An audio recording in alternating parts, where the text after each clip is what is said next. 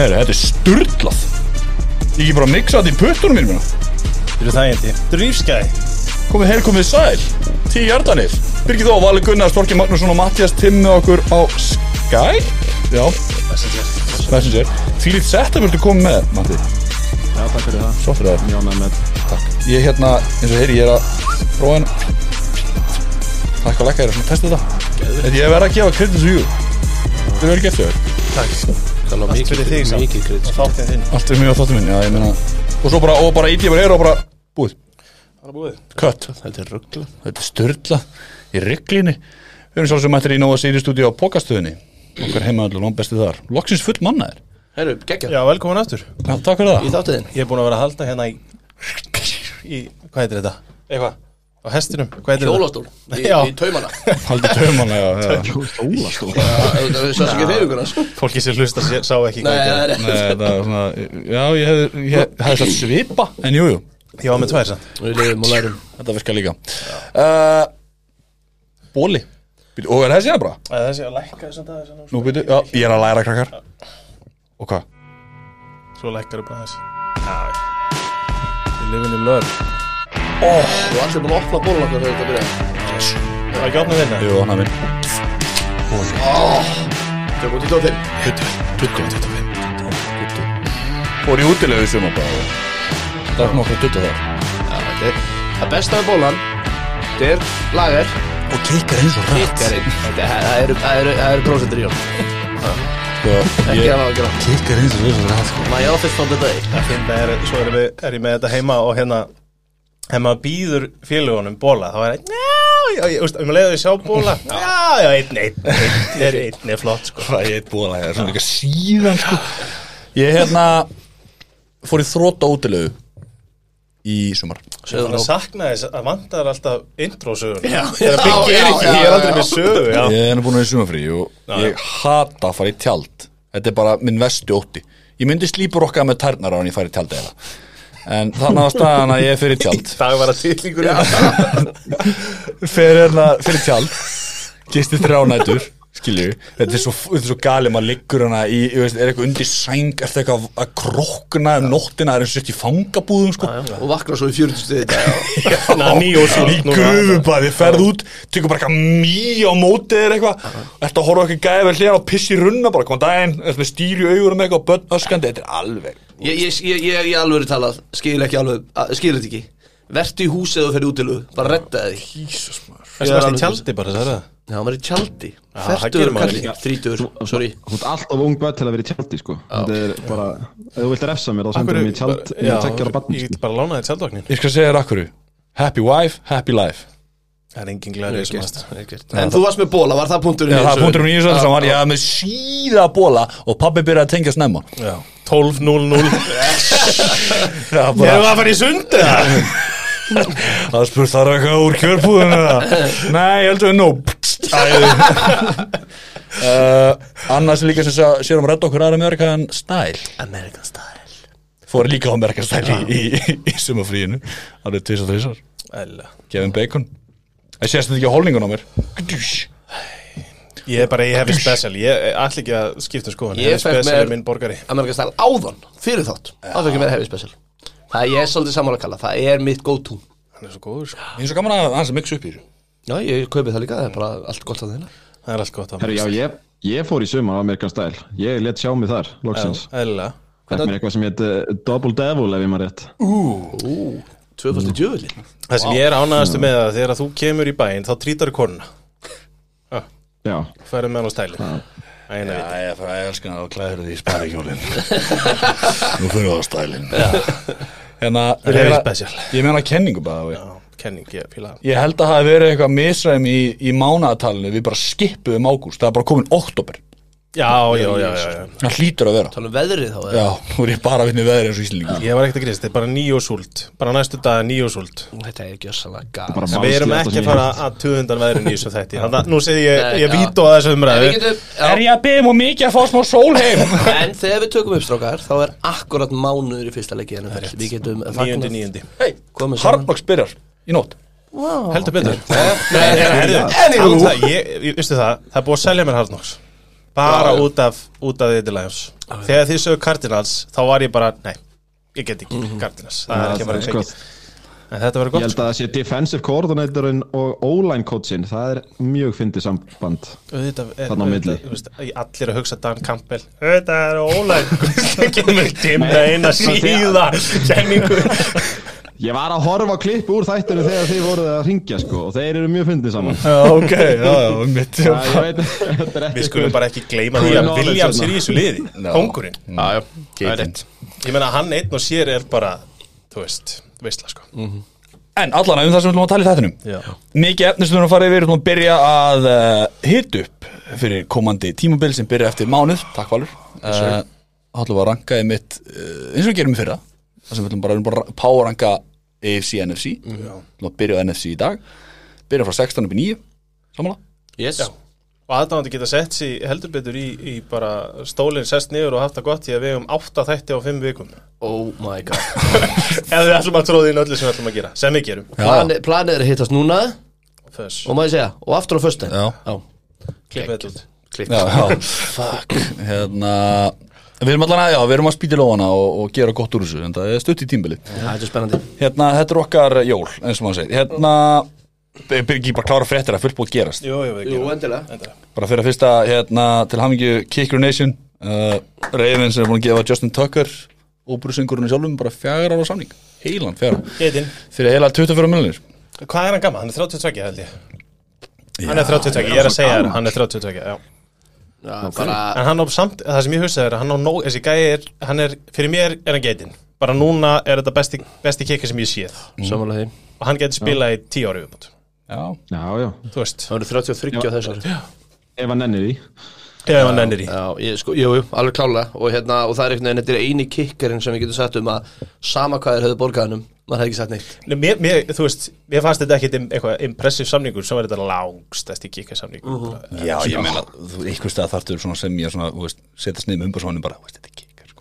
Já, já, Já, en þú, ég held að sé engin þetta er, un, þetta er bara svona unreplaceable gæi Ég held að, Já, þú veist, hann bara það 91,9 hvað, 91,1% hitni. Það er galið Það er tala. Og á náttúrulega hérna lengsta sögunar sem var þetta rúlulegt en hérna og hann er bara, hann er, hann er ekki af, why? af hverju? Nei, veist, ég er ekki að spila af hverju var það ólögt Af hverju ekki bara leifunum að Já, Ég er að leiða honum með þetta, alveg 100% Það verður málega að vera smá stjarnan en, en það er ekki honum ekki hérna Það er ekki alltaf En, stöðum en, ekki en hérna það er rétt sér En hérna, já, bara klálega og eins og þess að ég held að Kalli hafi sagt í spjallinu okkur í dag að þetta er alveg upp á sleikmannars í deildinni. Ég, ég er ekki að grínast, þetta er uppbóðs gæði menn það er eitthvað að honum í fyrsta lagi. Hann er ótrúlega skemmtilegur og það er, þú veist, öll viðtölu við hann, hann er bara greinilega eitthvað hann er eitthvað skrítin sko, sem ég elska.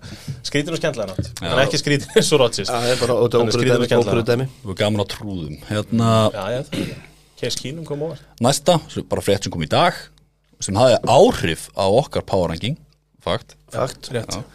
Rókvann Smith er að byggja um trade frá að- linebackerinn. Og er að bara stærsti stólpin eða í þessu vörð svona, svona trade request uh, að því við erum að fara í annað eitt smá og ég ætla bara að taka, maður kipa þess aðeins saman? Þetta skil ég, að því að þú ert að tala um gæða sem er bara in it. Hann er bara, þetta eru bara slagsmál. Þú veist, þetta hefur massíf áhrif á líkamann hans. Og í þessar íþrótt, þú veist, oft þessu trade request í NBA eða góður sem vilja fara burt í League eða eitthvað ég myndi heldur ekki nenn að eyða ári af skroknum mínum í þetta bull ef ég get farið eitthvað annað. Málega sko. Rókon Smith sem sagt er linebacker á Bears og er bara búin að vera besti varnamæður þeirra undanfæri ná Já, bara og bara angurðu þarna og bara guður sem að, að mínum að þeir gætu byggt í kringum. Já, uh, Hann Bear, ungur. Bears er að mæta honum bara með að honum finnst hróka bara, þeir, hva- hvað kallur þetta mætti að fara ekki af heilum hug eða, Eitthvað, negotiating in bad faith. Já, in bad faith og hérna, og, og sögðu bara hann er 25 ára, og bara take it og leave it dæmi, og hann sagði, ég gat ekki tekið þessu samning, hvorki fyrir mig nýja bara linebacker markaðin Nei, og hann er bara að horfa á, þú veist, vætri sívermarkaðin springa og svona. Og hann hugsaði bara um líka sína bræður í þessari stöðu. Og hérna, hann er ég ég skýr ekki hvað ber sér að gera því að þú verður að byrja ykkur staðar á uppbyggingu og Guðminn Almáttur, ég ætla að vona þessi með hugan við uppbyggingu. Þeir eru bara að tanka, basically, í þessu staðan núna. Já, en en, við höfum alltaf eftir að cover þetta smá. Já, vissulega, en hérna en okkur ertu þau ekki með þennan allavega lokt sem við getum byggt í kringum? Og og þú veist, og ég bara, ég vorkenni bersaðdándu, þú veist, þeir, fara að sofa á, á, á kvöldinu og sagði, þetta getur alveg ekki versnað. Haldið að séu marga Haldið að séu Svo bara Þetta var bara síðasta strái. Haldið að séu marga stöður í NFL sem er í haft eftir sótt að sækja góðan leikmann í eins og linebacker. Það er svo mörg lið sem vantar Ég menna pakkis vantar linebacker í fjögur Ég veit Þá getur til að fundu einn sem átti ekki að geta neitt Það er van- Campbell. að að finna svona Svona demant.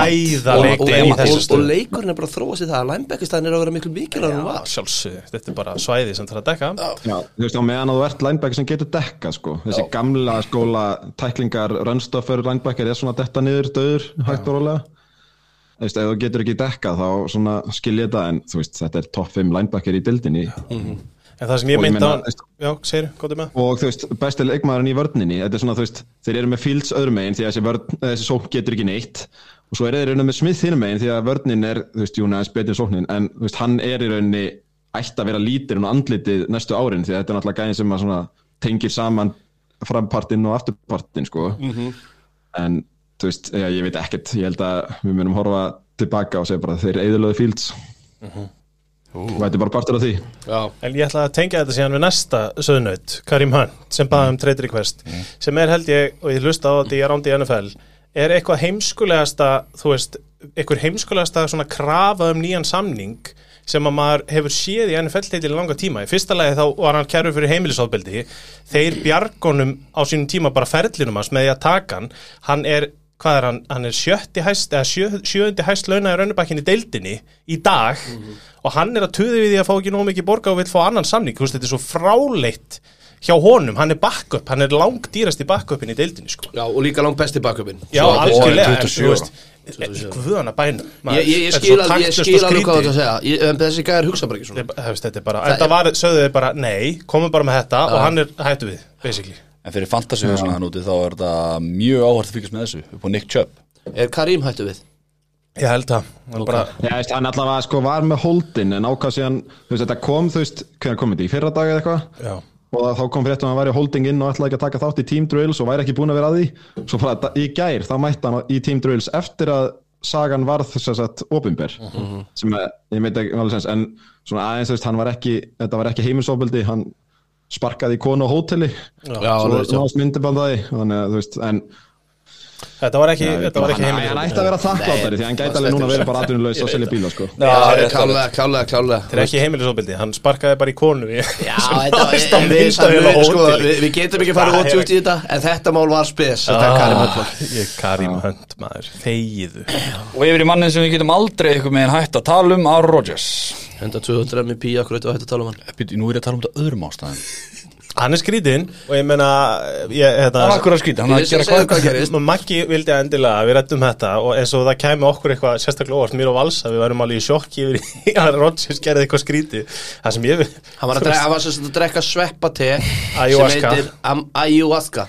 Ayahuasca, já, sendið í aðra vít viljaði meina. Já, og hann er að leita sjálf sér, eðlilega hann náttúrulega er Er þetta mörg og týndur. meðferðinu? Já, þetta er Svona drekka þetta og liggja á einhverjum, einhverjum svamp og bara njóta það. Já, ah. Í, sko, við skulum hafa það alveg á hreinu að þetta kemur ekkert óvart og þetta er ekki að skrítnasta sem hann hefur gert eða mun gera. og þetta- það stendur þetta að þetta sé bannað en það skiptir yngur máli, þetta var hans frítíma. NFL gaf út í dag mitt og það, það, engin það var áhrif. aldrei að fara að gera þetta þannig og, Þú veist, þegar hann, ef hann fellur ekki á drögtesti þá geta þeir ekki nei, nei, og og þetta stuðið mikið neitt en vissulega er ég orðin ónæmur fyrir svona rótisvertum, ég skal viðkynna það. Mhm. og meira þess að ég er orðin ónæmur ég, ég er að þroskast, ég er orðin ónæmur þegar er að reyna að bögga mann á þessu einhvern veginn svona, Já, ég er bara svona, veistu að mér bara mér gæti ekki verið meira saman Hann- hann er áfram bestur og það er bara nóg fyrir mig sko. Ég meina, ef Aaron Rodgers mætir og spila eins og maður þá má hann drekka alltaf í Oscars og meira þess að hann sagði bara veist, að, þetta, þetta hjálpaði mér að sjá hlutin í öruljós hann sagði aldrei að ég væri að fara að hætti í eitthvað.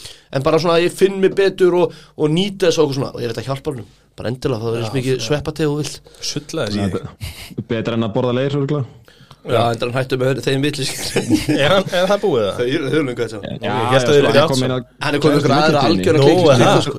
Hún sem skilgreinst þessi nord Hva, Hvað finnur hann þessi? Já, einmitt, já, hann fór þeir sem hann bara leir í þá sem byrja skilgjörn sem en nord Maggi spurði hvort hann væri að missa það og hérna, mér finnst það alveg áhugaverð pæling. Ég, ég er sko eiginlega mitt á milli þess að hann sé bara breytast í einhvern andlega, eða einhvern, hippa bara, eða whatever, já, og svo er ég líka svolítið það sem að honum er bara drullu Já. sama ég, ég er eiginlega þar, ég held að þú veist, ég held meiris að hann sé svona, þú veist að hann sé stundum að ígeða sem hann gerir bara til að fá svona, svona ræs, af því að hann veit Já, og, að því að, sorry, sorry, held aðeins áfram. Að því að hann veit að allt sem hann gerir það bara fer í umfjöllun og er bara fucked up. Ímyndið ykkur ef Aaron Rodgers hefði verið í Tom Brady stöðunni með Miami dæmið haldið þið virkilega að það verði ekki verið ennþá að tala um það að Aaron Rodgers sé að gera þetta og hitt og hitt? Það, Tom Brady var ekki nefndur í þessum frettum líkuð skiljið hvað ég meina? Þannig ég held að Rodgers sé bara herru þessir Colin Howard og Skip Bayless og þessi gæði sem að hata mig hvað sem er fokkið ykkur, ég held að það sé svolítið þar. Ég er bara veist þess að ég segi, ég meina, þetta er náttúrulega bara, hann er hvað að verða ferstugur fljótlega næsta ári hann er fyrtur næsta ári. Já, þannig að ég meina Living life. Ekki leið hún bara að gera það sem hann vill á meðan hann spilar eins og maður. Ég hef engar ágjur að því að einhver, þetta hafi einhver áhrif á hann. Ekki Ég ætla að fannst eitthvað yfir eittin og fara í næsta því að þetta, ég, að, ég ætla að hafa þetta ofalega. Maggie Beckton, Jess right tackle out for the season Er það staðfest? Já, Já, ja, það lítur allt út fyrir það sagði Robert Sala bara áðan. Þetta er eitthvað, hann brákaði hnéskil. Uh, Brákaði hnéskel Já, Beckton minn Er maður. brákuð hnéskel nóg til að spila ekki meir allt tímabilið? Já það, það, ég, sko, það er tvær eira fréttir. Það er þetta og svo er eitthvað orð sem ég man ekki hvað var sem Ég er að lesa hérna, hann, hann braut hana bara, takk fyrir. Já, broken, Já, ekki brákuð, nei, broken takk. Brotin, takk. Það er aðeins alvarlega. Já, svo, sorglega, því það sem að við ekki þá er Maggie Beckton mikil hjartamæður Hann er hjarti að followa okkur, að tels með. Já, svo er hann bara góðu leikmaður og Já, sorglegt í rauninni, sko. Jets eru bara þannig staða Þú veist, þeir, þeir gætu gert eitthvað smá En þá þurfa já. alltaf fokki mennum þeir líka að færa hann yfir í hæri úr vinstri reyna að bífa upp sóknælínuna sína. Mm. Þannig að hann var líkil pís. Já, þeir voru þá konum með tvo, þeir- tvo takkul sem eru allavega yfir meðalegi þeir voru eitthvað að tala um samt að að staffið væri að missa trúna á honum. Hann væri eitthvað svona, þú veist svona með hálf metnaðalaus Hann, sko. hann er svolítið í töluleikjunum Líður hún ekki bara illa? Hún líður illa, svo ég var að senda á hann? Já, við getum sett Getum boðið honum hingað nú. Við erum með að opna línu á hann, hann sendi okkur skilabóð Hérna, sko, þessi hérna punktur Þetta er bara fyndin, sko. Fyrir en ólæn maður á Patriots uh, Rich Ornberger Kerði viljandi aftan á gamla mann til að vera ekki köttar að bill fyrir að mæta og seint. Þetta er finna sem ég sé sko. Ég held að vera núna, er þetta þetta er gömur Þetta er gummur svo En þetta var að drífa sig á fund og kerði aftan á bíl. Ég held fyrst að hann hefði bara kert á gamlan mann. Og kerði aftan á bíl hjá gömlu manni til að vera ekki að setja á fundinu Þetta er maður að það er kist á gamla mann. Ég ætlaði ekki að tala um þessa frétt það hefði verið gott Það er kert að gamla mann hefur verið fokk gali, sko fyrir Já, það hefði þetta Patriots dæmi verið styrla, sko. Ég elska ykkur svo mikið þessi þáttur að fara að vera tveir tíma fyrir. Já, já, það er eins og það er. Ó, já, ég vil að veit ekki alveg Ekki bara fara í næsta, bara fara, bara fara í það. Erum svo mikið. Jú, jú, Lewis Hamilton kaupir Broncos, það er áhvert Fyrir hann stimma við okkar sem er mikill Broncos maður. Já, Og Max var stappen, var stappen maður. Hvað gerir hann? Hvað er það, hvað er núna? Ég skal, ég, skal, Nei, ég- ég var að dissa hann í dag en ég skal senda á hann línu og sjá hvernig hún líður. Sendu línu á kallan. Það er erfitt að fara úr núna og verða stappin yfir í Hamilton Já, Jæja, Shall we? shall we? Erum við í skjálinu Yes, sir. það skal ég góða. Við erum búin að páranga Eitthvað Við vorum með fjóra spurningar. Mikið já, þetta er bara nánast eins og ég fyrra. Þetta er alveg spottan eins og ég fyrra. Heldur fólk munið það. Og ég lendi í sömu vandræðum og ég þessi Því ég er að setja spurningin, síðustu tvær eru saman hjá mér. Já, basically. Þetta er, veist, við tókum párangið Settum við fjóra punktærunni sem við svona vorum að vinna í kringum. Það var off-season headlineið Breakout candidate, hvað þarf að vera betra í ár en í fyrra Til hlutinni gangi upp. Og, að, veist, af hvað verðaði betra að veri Ég er með síðustu tvö liðin Þannig að láta mig vita bara þegar ég á að tala. Já, þú, flott, Hoppar ekki búið til sík og ég kalla þig. Og við hverjum að búa sóknar og varnarlega. Það er ekki bara. Já. Við byrjum næsta. Ég veit maður að byrja á næsta. Are you ready? Já. 16. í NFC Chicago Bears. Hvorki meira en ég, ég minna Vali Gunnars, þú ert með það? Ég er með Da Bears.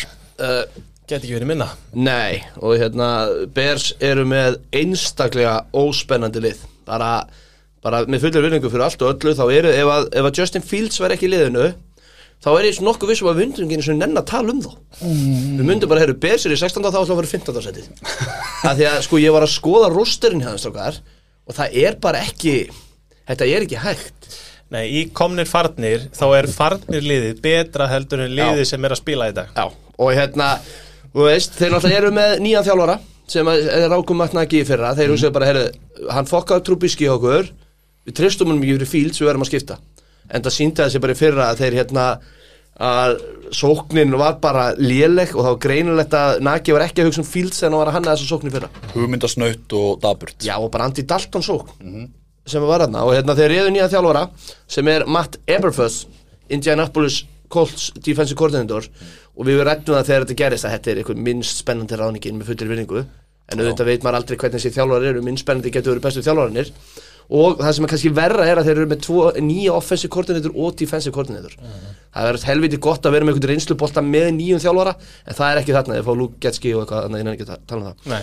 en hérna off-season hellan eða kálega þegar treytuðu Khalil Mack og Allen Robinson frá sér. Fara til Chargers og Rams báðið fara til Los Angeles. Og svo eru þeir að missa mistu þeir Akeem Hicks líka Eddie Goldman úr vörninni. Og svo er Robert hérna, Quinn núna að hérna fara. Og þetta er vörn þegar hún var sett saman sem áttu bara að dóminera dildina strákar Algjörlega. Þetta, allt búið. Já, og já, helst náttúrulega að hefði maður í þegar, sko, í dag þegar þú ræður varnar þjálfara sem aðal þjálfara Ja. þá er kannski verra að senda alla sem að eitthvað geta í burtu og alltaf bara byrja, byrja, aftur og, upp á nýtt, það er mjög skrítið. Það er bara mjög skrítið og við reynst ekki vera mikil hérna, hugsun í þessu finnst mér. En þetta er off-season hellan í þeim. Svo er hérna breakout kandidatanir er auglösa svarið að klára Justin Fields. Og það er eina rétta svarið. Málið er bara að hann breakout kandidat, jú, maður vonar náttúrulega að hann verði uh, til að sjá eitthvað frá hann og besa að hann vonast vantalega til þess. En eftir stendur hann er með lélösu sóknarlinni deildinni. Þú veist, ég segi lélustu, hann er með eina lélustu Svo er líka einn annan punktur sem finnst ég bara að sjá mikið til mér sérstaklega á Twitter og fá bítar þess genum bears er þetta að það er svo mikið chaos í kringu sókninni það er eitthvað offensive line þjálfan það er eitthvað megabastli. Það er eins og vanti bara offensive line vera. og hrókeringar bara almennt, þið veit ekki eins og hver er að starta. Nei, nei, ég meina, og, og þið sjáu það uh, Matti, ætlaðu að segja eitthvað? Nei, ég var bara að vera sammála. Þú veist, þetta er, þeir, hann talaði um að þeir væru ennþá að reyna átt að segja á bara línunni. Þú veist, það eru alveg lið sem eru svona kannski að finna sendri sinn eða eitt gard og þeir að skipta þar á milli. Þeir eru bara með línuna í spurningamerki sko. Já, og þú varst að tala um uh, hún er bara, ég fór inn á Sharp, bara Warren Sharp, svona hvernig hann ranka liðin þú veist, þegar þú ert með rankaður neðar en Falcons í sóknarlínu þá er eitthvað mikið að hjá, Yes. þeir eru langneðstir sko, Já. það er bara já, þetta er, Ég- já. þetta eru áfalla hjálp Ég sá að PFF talaði um að að ég manni hvort það var þeirra, að skiptur ekki máli en hérna, svo um, talandi um það, þá eru þeir að missa left tackle sin sem var first round pick hjá mig fyrra Tevin Jenkins, hann vil fara Já. það Eftir vilja eitt náttúrulega ár. allir fara bara. Ég meina, þú veist, hvað er að gera Nei, sem nei, hann vill ekki fara Þeir vilja fá hann burt Nú, er, ertu viss um það? Já, þeir, það er bara engin trú á honum. Hann er bara meðsla pjessi og eitthvað þeir, þeir vilja hann burt, hann hefur sagt að hann vilja vera áfram sko. Nú var það henni, ok, sorry, ég stend leirðu þar. Ég, hérna, já, ok, ég með minni hefur lesið þetta En ok, já, ok, þá vilja þeir Tevin Jenkins First round left tackle. Og left tackle er bara mikilvæg staðan á vellinu fyrir utan væti síkur, eða fyrir utan gjúpi Það er enda second round en já, Já, veist, já. þetta var alveg, það var alveg spennandi rúki sko. Ég held að það sé fullt að liðin sem var alveg til að treyta honum til sín sko. Tilbúin að Hund- Já, 100% En eftir stendur að Justin Fields er breakout kandidatin í mér Lendi líka Cole Kmet sem er hann að tight end. Já, já. Svo náttúrulega Mooney þarna vætir sífurinn uh, Hvað þarf að gera til að hlutinni gangi? Af hverju verða það betri að verri? Þeir þurfa náttúrulega að mínum að því Þurfa að aðlaða sóknuna Justin Fields. Hann er bestur í þessum milli og löngu kostum og svo er hann náttúrulega móbæl En í fyrra var bara naki með hann í Andy Dalton sókn Það sem hann var bara uh, droppa boltanum eitthvað lítið og bara var ekkert í gangi einhvern veginn og stegi í pocket og eitthvað. Þetta var bara, það var bara ógeðslega lélegt og þeir þurfa að laga þetta til að við sjáum eitthvað. En hvað er betra hjá Bears? Meira en fjóru sigurleikir eða eitthvað þú veist, og, og, og að mínum að þið fullkomin tímabil fyrir Bears væri ef þeir myndu ná að vinna nokkra leiki og sjá að Justin Fields er NFL QB er ekki bara með flesta sérstaklega með allar þess að við fyrir að tala um þess að nýju þjálfara sem er nýju með sín lið er það ekki bara nokkuð en að sjá eitthvað stefnu? Er það ekki að sjá eitthvað, eitthvað svona jafnvægi á til mér fyrsta væri til bara ok, Rókvann Smith fer þú veist, eins og við vorum að tala um áðan hann fer, þá er bara spurning hvernig alltaf þessi varnaþjálfari í, hver, í kring hvernig alltaf byggja og hvernig skím verður þar? Af því það vantarlega hans priority náttúrulega vörnina því hann náttúrulega er defensive coordinator í grunninn. Þá, ok, þá er allir, ok, við ætlum að byggja varnateimi Ok, hvað ætlar að byrja? Sko ég er er ekkit mótfallin því að BS hafi eh, sé að rífa allt niður bara að beinagrindinu og byrja upp á nýtt, alls ekki en það er svolítið seint þegar þú ert búinn að taka kortebakkiðin sem þú ætlar að byggja á vegna þess að, ég menn hann á hvað kannski þrjú ár eftir af rúkki samninginu sínum innan gæsalap og svo þarf að fara að borgunum, þú vilt yfirleitt að þau þrjú ár fari í að reyna að vinna eitthvað. Fyrstu tvö árin með að vera beinagrind skilur og svo, þannig að ef mitt að þið fara að losa sig við Reykjón Smith og Jenkins og þá er það konið í vessin, bæði og Luke Getski er, eða Luke Getski er kortebakskóðsum frá Packers. Ég veit en eins og margir aðri sem hafa flúið yfir til Bears Já, já.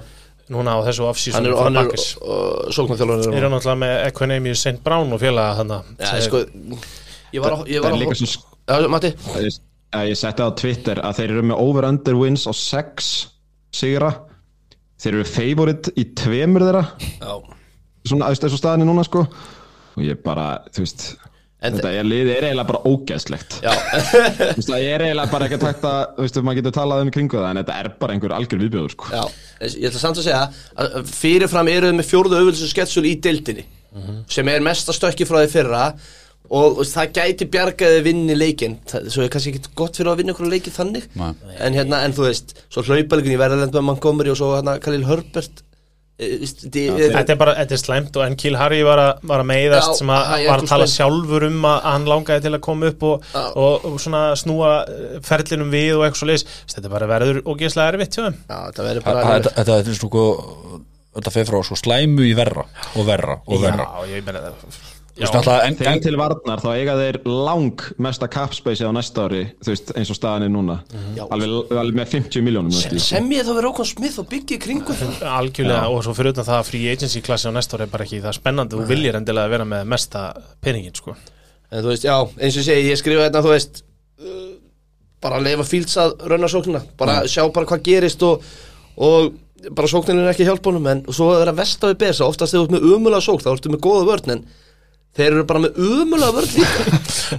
Já, þetta er, Það þetta er held ég, sko, það eru nokkur lið sem eftir að fá útreið hjá okkur hérna og þetta er já, þetta er bara alveg hræðilegt. Þannig að over under 6 Under. Undir, allan daginn undir og hérna, the bears sökka í ár því miður. Svo maður bara, þú veist, þegar að Robert, hérna, Robert Quinn og Rókon Smith vera farnir, já, þá erum við komnir á þann stað að ég er eiginlega hættur að þekkja leikmennin í vörninni sko. Já, já þú veist, þetta eru bara nöfn. Það er bara Travis Gibson og eitthvað svona þú veist, við erum bara, Jackson. Já, ég menna hann er þá einn. Einn af 11 til hann ekki með það.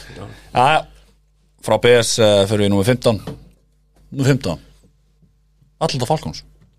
Matti? ekki lélegastir Nei, ekki vel þeir voru lélegasti fyrir þáttin bara. Já, já, skulum við ekki að það. Maður bara einn punkt árum við tókum að því hann sagði over under 6 bara náið því, bara get it while it's hot Já, sko. já. takið þið Já, undir. þessi lína er að breytast bara á næstu já, á ég meina, næstu ef- viku, ef ef leið og Rókon Smith fer þá bara hrapar þessi og þetta er alltaf cool bet þessi stöðlar. Það er sjálfsög.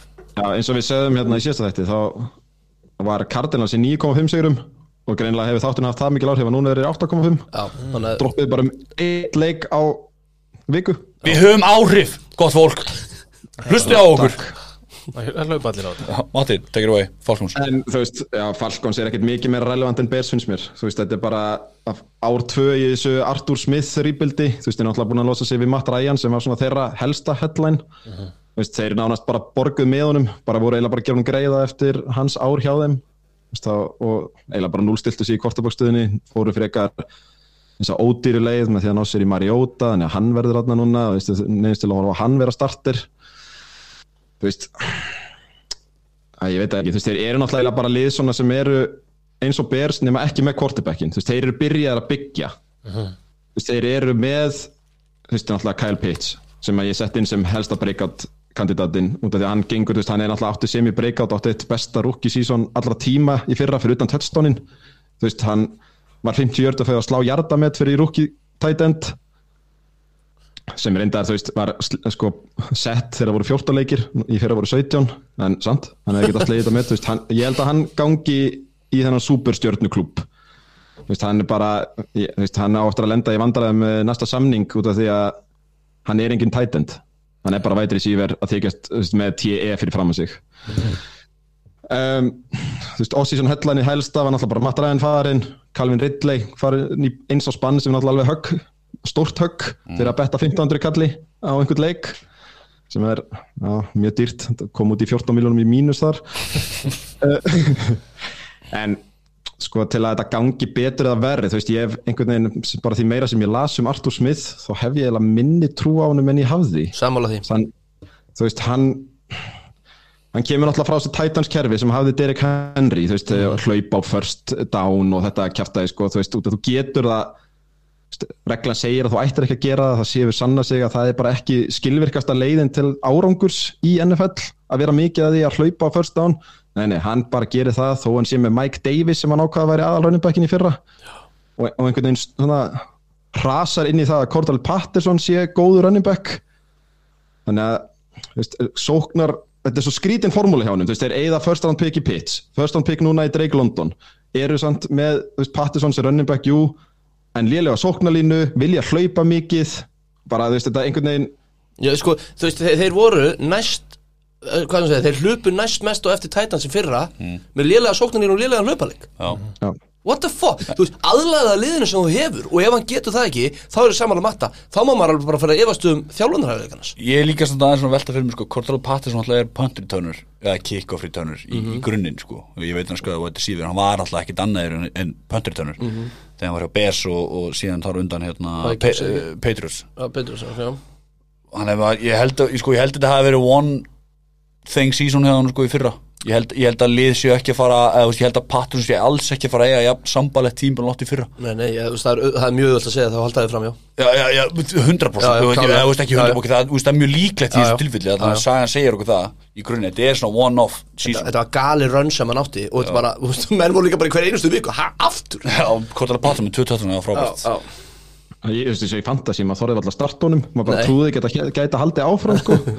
En svo var hann bara drullu góður en já, þú veist, eins og þetta liði er bara ekkert gott. Þú veist, þeir eiga alveg risastór nöfn. Þú veist, AJ Terrell er bara eitt besti cornerback í deildinni en það skiptir ekki máli þegar þú ert með versta passrush í NFL nánast. Og Mhm. engin annar í rauninni, þú veist, er sérstaklega góður í, þú veist kastvörn, þú veist, þeir eru með Grady Jarrett sem er geggjaður defensive tackle, en hann er bara defensive tackle. Þú veist, Dion Jones er linebacker, þú veist, hann missir af off-seasoninu vegna meðsla, þeir vilja trade honum því að hann er náttúrulega á ristunum samning og þeir eru náttúrulega, þetta er linebacker þetta er ekki alveg það sem að þeir vilja kannski í þessum uh, tímapunkti í þessu rýpildi en það er alveg, þú veist ef þeir vilja hlaupa svona mikið þá verður þetta alveg eitt allra leiðilegasta lið NFL en með Drake London og Kyle Pitts sem eru svona, þú veist, alveg kjötstykki.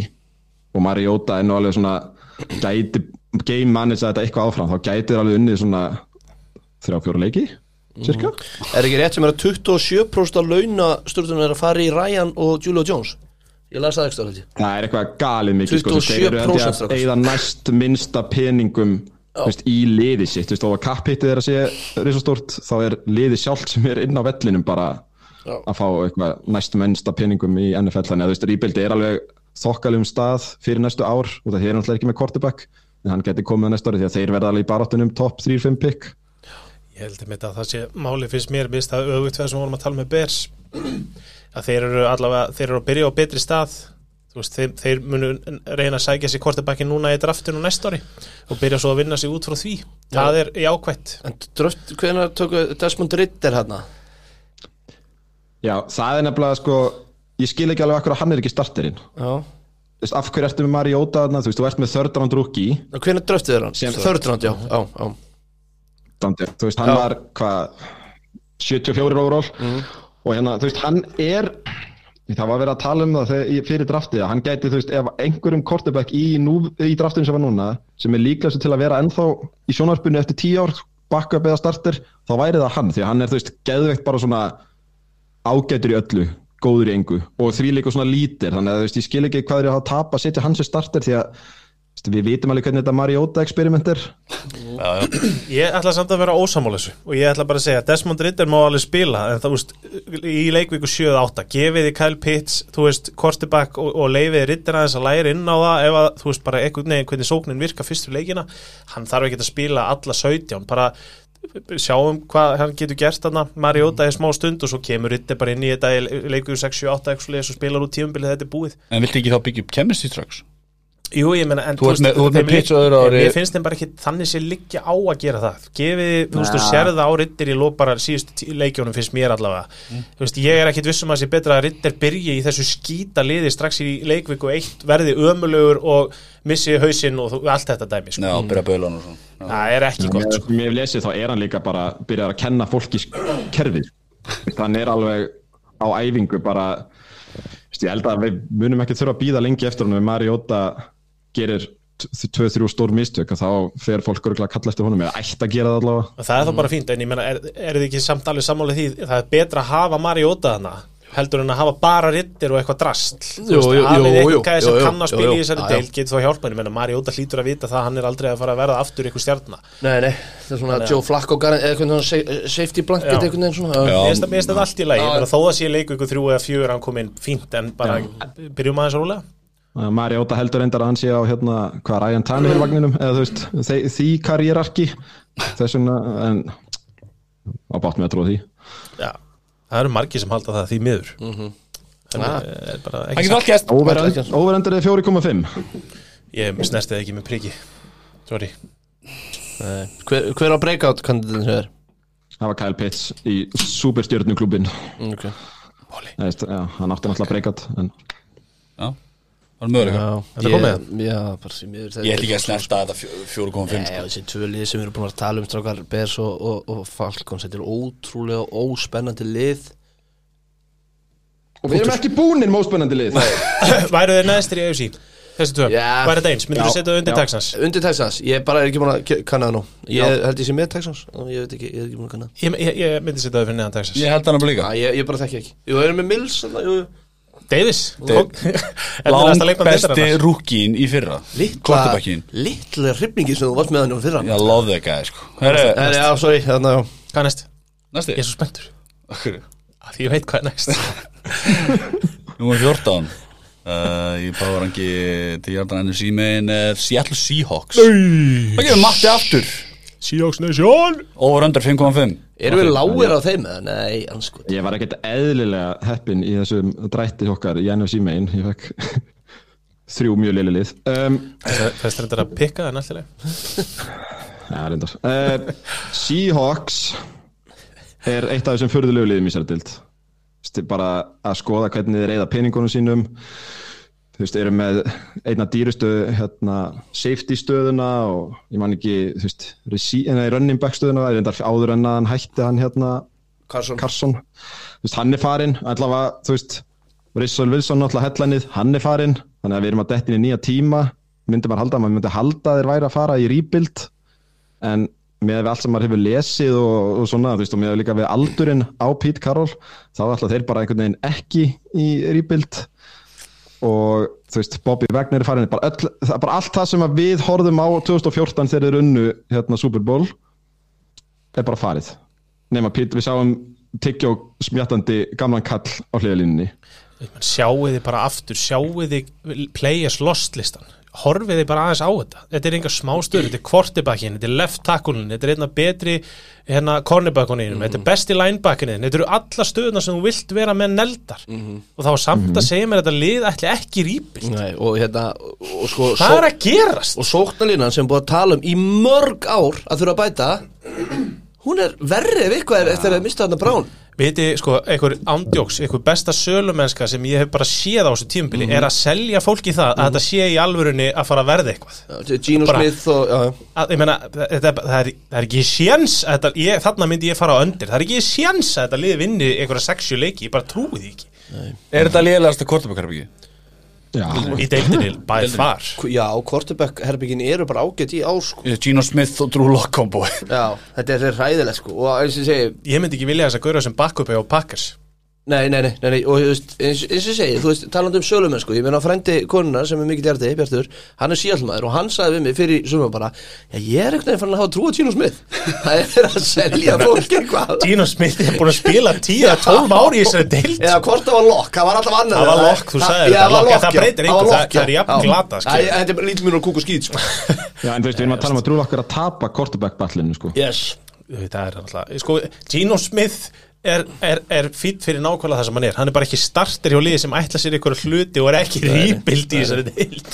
En það, ég, ég held að þetta, það, ég, er, ég er komin í svona 66% á það að Jimmy G endi í Seahawks Það er bara, Já, er- því, að því eins og Matti sagði, þeir eru ekki beint í rebuild. Þeir, þeir eru einhvern veginn svona þeir eru í semi-rebuild. Sem er náttúrulega bara Sem er front versta office er bild- bara með, með bara patsan á augunum sko.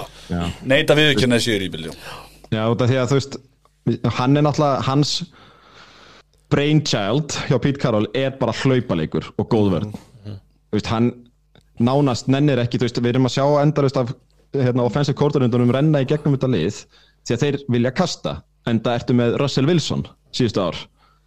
Rosalega svona idiot proof plan að vera með Russell Wilson og kasta en hann rekur þá bara þegar þeir hlaup ekki nóg. Let's Þannig að það kemur nýr og þá, þú veist, maður sér þetta bara, þú veist, þeir fara hækkandi í kastelunum, rekin. Hækkandi í kastelunum, rekin. Þú veist, og þá er það bara, þú veist, ár eftir ár eftir ár einhvern veginn. En, þú veist, það er heppilegt fyrir sjóksvæðins að gænir að fara að máta göngugrindir eftir svona tvö ár.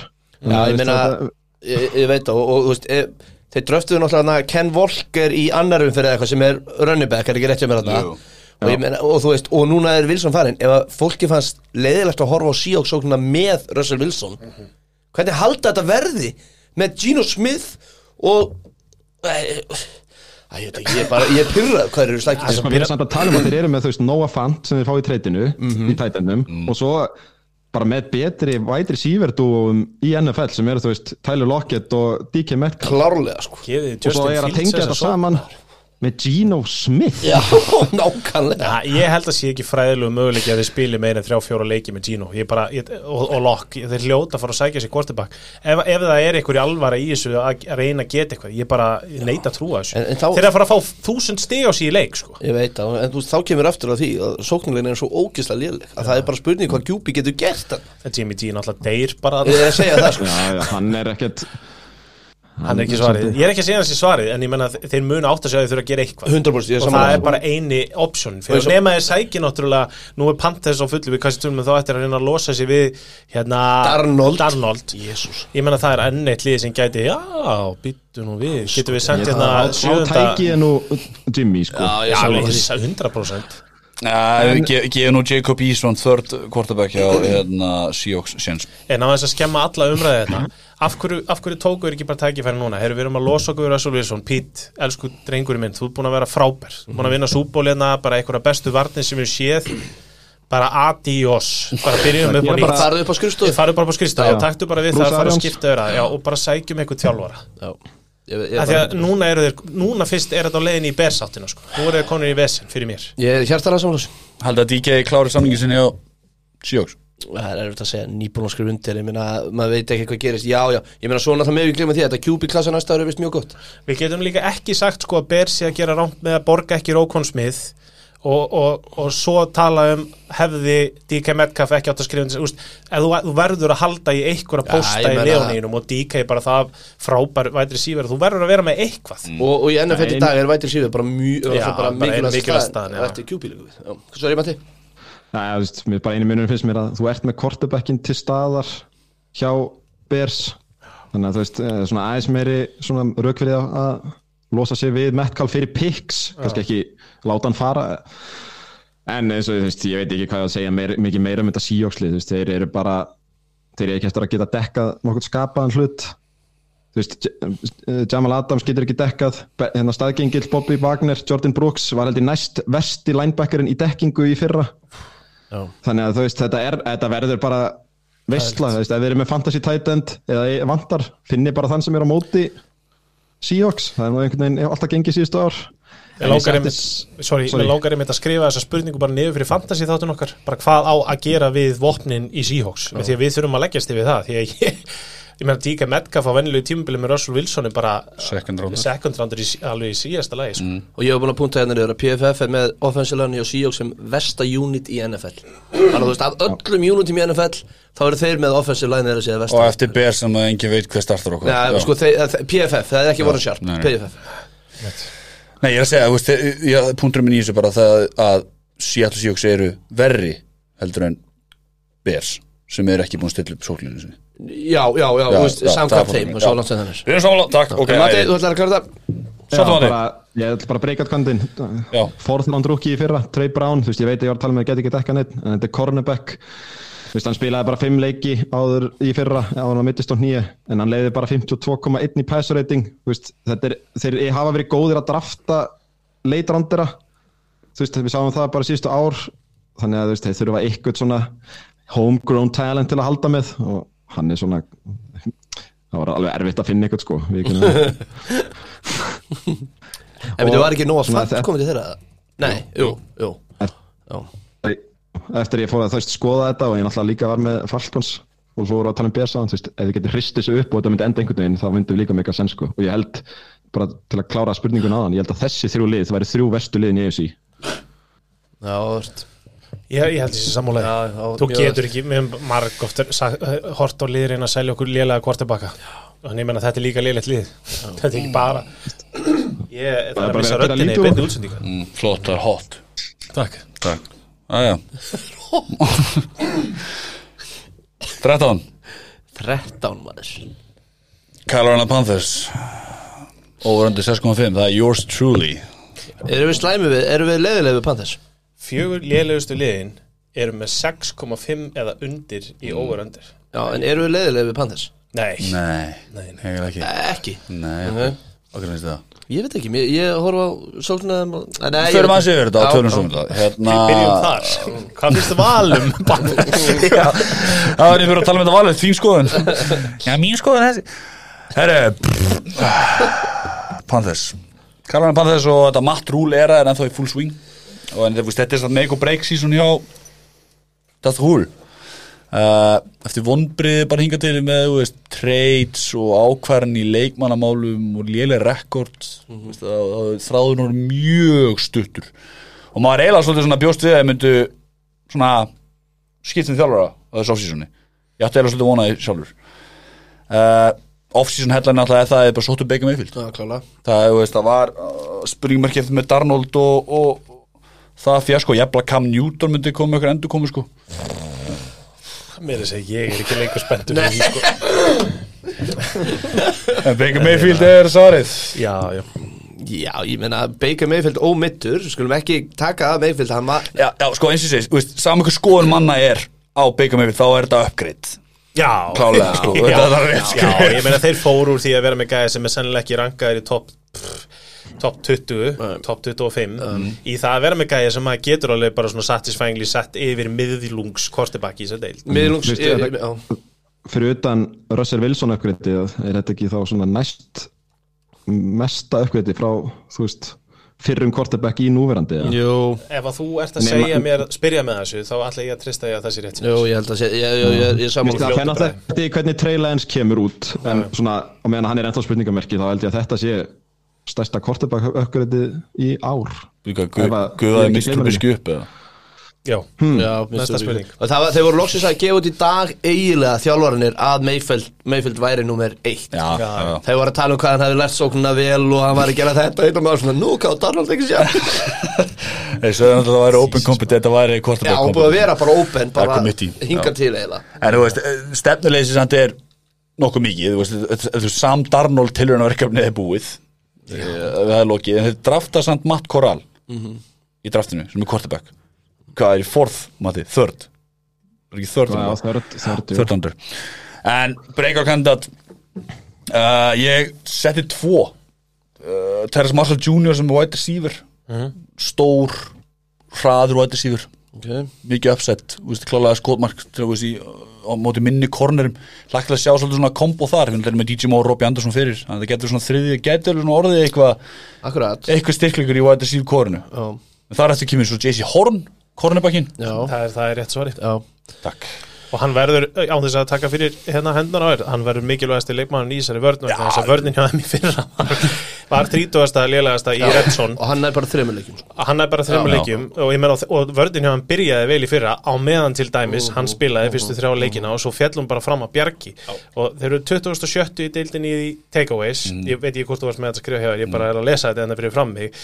Og JC Horn getur, er það mikið talent að hann getur orðið bara svona einna bestu í deildinni? Þannig að ef að hann verður það það lagar þessa tvo hluti hans er hressilega, vonandi fyrir Panthers af því að þeir voru með yngstu, eina yngstu vörnir í deildinni líka erum búin að nefna það svona miljónum Já, sem vísum já, þetta já. þeir tóku heilt 13 nýju manna 13 draft picks, já. bara í vörn Já, já. þannig að Ég hérna Ég ætla, já, þetta er bara eins og segir og, og ég ætla bara að bæta við þetta, þú veist, það gaman að fylgjast með honum móti Mike Evans, Michael Thomas sem er nú að koma aftur að Saints og Kyle Pitts, þá er það bara þrjá sem eru Indivision receivera Það var nú að gera Það er það sem ég segja, það verður gaman að horfa á JJ Horn á móti þessum Algjörlega. top dogs. Já, já, klálega, en þú veist, þess vegna spyr ég hvort þið væru leiðilega við það, því við erum að telja upp nöfn í sókninni og ef að Mayfield virkar þarna, ómeiddur, ekki með axlavesen og okkur svo leiðis, nýri sók sanna sig, með, þú veist, DJ Moore, Robbie Anderson, og svo ef að McCaffrey helst hei, hérna heill, erum við það ekki leiðilega að setja það á í, hvað voru þeir, 14,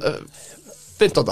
Horfðu á, liðin, horfðu á hinn liðin Já, ég meina, við fyrir kannski það betur. Já, ég segja, á. fyrir, fyrir óma þau og ég held að þetta, þetta, er, þetta er, sko, við erum búið með alveg allra lélugustu liðin, við erum komin núna í hóp þar sem að, þú veist, við horfum bara á okkar að því að við höfum nú ekki rætt það ennþá, það er alveg munur á því hvernig við erum að ranka á Já. ég og Matti erum með á neða, þú veist, þú ert með á aðeins o- einu ofar en ég og Matti, Já, já. við erum að draga þetta svolítið niður, þannig að, en ég menna hinn liðin eru líka í saman pakka með þessi ágætu vopn og einhvern neitt tvo leikminn í vörninni, þú veist, við erum á þessu sviði, ég menna Commanders og Giants og þú veist, Já, en, en, en, En og mér öll finnst með spurningamerki. helvíti illa að fara með Christian McCaffrey ef við kvöldum hann ágætt vopn. Nei, ég menna hann og Mór eru mjög góð vopn. Ekki mjög góð, McCaffrey er bara besta vopn í dildinni ef hann er Já, en hann spilaði náttúrulega meira en átt að leikja á tímubili Það er okkur búin að spila tíu leikir síðustu tveimur. 100% Líka það sem að trublaði mig mest er nafni minn, hann Matt Rúl er að ekki gæinn gjössamlega vonlaus, hann var að skamma, þú veist það sagði á blaðmann að fundi voru stoltur að hann hafi verið að skamma liði fyrir að hafa fagna á æfingu og hafa farið út af og verið með eitthvað að dansa, þú veist þeir eru að, og, hann og, sagði sko að þau sé að tala um, þeir eru að haga sér eins og þau sé að spila leik, en jú, þetta er leikur inn á velli, við skulum halda þessu inn á velli, þetta er eitthvað svona, Ég bara held, eitthvað algjör niðurgangur sko. ég held um þetta Panthers að einhvers staðar á milli 11 og þú veist, 13 er ekkit ósangjönd Nei, Af því að ég ekki, ég held að þetta sé rétt hjá Matta. Ég held að eh, bara hvernig þetta er þjálfa og hvernig vörnina á eftir að vera verður bara ekki nógu gott. Og hinn liðin voru annarkost að skipta um þjálfara eða eru með betri þjálfara? Þannig að, já, ég, myndi, ég, ég myndi ekki missa hérna högur í gólfið ef að þeir væru í playoff contention uh, þú veist, þegar þeir eru nokkru vikur eftir veist, þeirra best case ef við horfum bara Baker Mayfield heldur svona, þú veist er góður, hann er alltaf náttúrulega með nákvæmari kortebackum, hann á ekki þú veist, svakalegt deep ball, en þessi stuttu er alveg mjög nákvæm hjá honum. DJ Moore er bestur þar. Þú veist, þeir fá þarna Ikem Ekwonu þú veist, rookie hérna, left tackle sem er algjör keilukúla. Eða ná að hlaupa McCaffrey heilum á bakvið hann þá er þetta alveg skemmtilegt sko. Þú veist, það er að sjá leiðir þar sem þetta er bara drullu skemmtilegt sóknarlið. Ég ætla að koma inn á punktinin veist, Þeir voru sko 2009. sæti í points per game í fyrra. Já, með átjónstiðileik án McCaffrey náttúrulega, já. Já, ég veit að Áma Kaffrey og Baker. Já, hann spilaði sjöleiki með Kaffrey já, og þá voru þeir helviti Já, en þú veist, það sem ég bara segja er þeir voru með 14 throwing touchdowns í fyrra. Já, það er- Total. ég veit, ég klálega og þetta voru þeir með fucking Sam Darnold Sam Það Darnold. það- Þá kemur það kom bara ganga betur í ár. Eru er komin þetta bara Mayfield throw the ball já, skilju já, menn þeir eru konið nýjan sóknarkjálfara Já. Ben McAdoo. Ben og þegar, McAdoo. þegar, býttu, þegar, þegar Áf- Já, við erum tjóð, þegar þú segir þetta svona Við erum Nei, ég ósangjarnir að hérna, þegar að hann var coach á Giants, þá draftaðir, þá er Baker Mayfield draftaði nummer eitt. Þá var hann með hann, held ég, held ég ekki ljúa þá var Ben McAdoo með Baker Mayfield sem sjötta besta QB í draftin þannig að það er áhverst að sjá hvernig sambandið þeirra verður. Já, ég gáði þessu. Makadú, ég okkar nei. gleyma þessu. Það sem hann betur fara bara þú veist, Kristján McCaffrey komið tilbaka, punktur, skiljur Það er bara, það munar um, þetta er running back 1 og wide receiver 2 sko, ef við varum með MVP í deildinni bara byggt á því að þessi ekki QB velun þá væri McCaffrey bara þú veist, alltaf MVP held ég. Þetta er mikilvæg þessi sóknarleikmaður í deildinni. Mm. þú veist, fyrir utan QB eru ekki sammála því? Jú, jú, nei, þetta er bara tölunar hans þegar hann spilar er bara bull. Ah, Hann er geggjaður, hann er sóknin hann er bara sóknir, já, En uh, vinna Panthers Browns án Deshaun Watson á þessi tímubili gæti verið, já. Þá gætur unni þrjá að fyrstu áttaleikinu sín Já.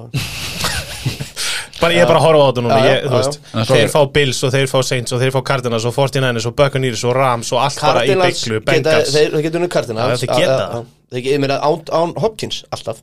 En ég bara að segja, nei uh, Hopkins er komin, fyrsti leikunars Hopkins. Er það sjöndi, sjöndi fyrir, ok.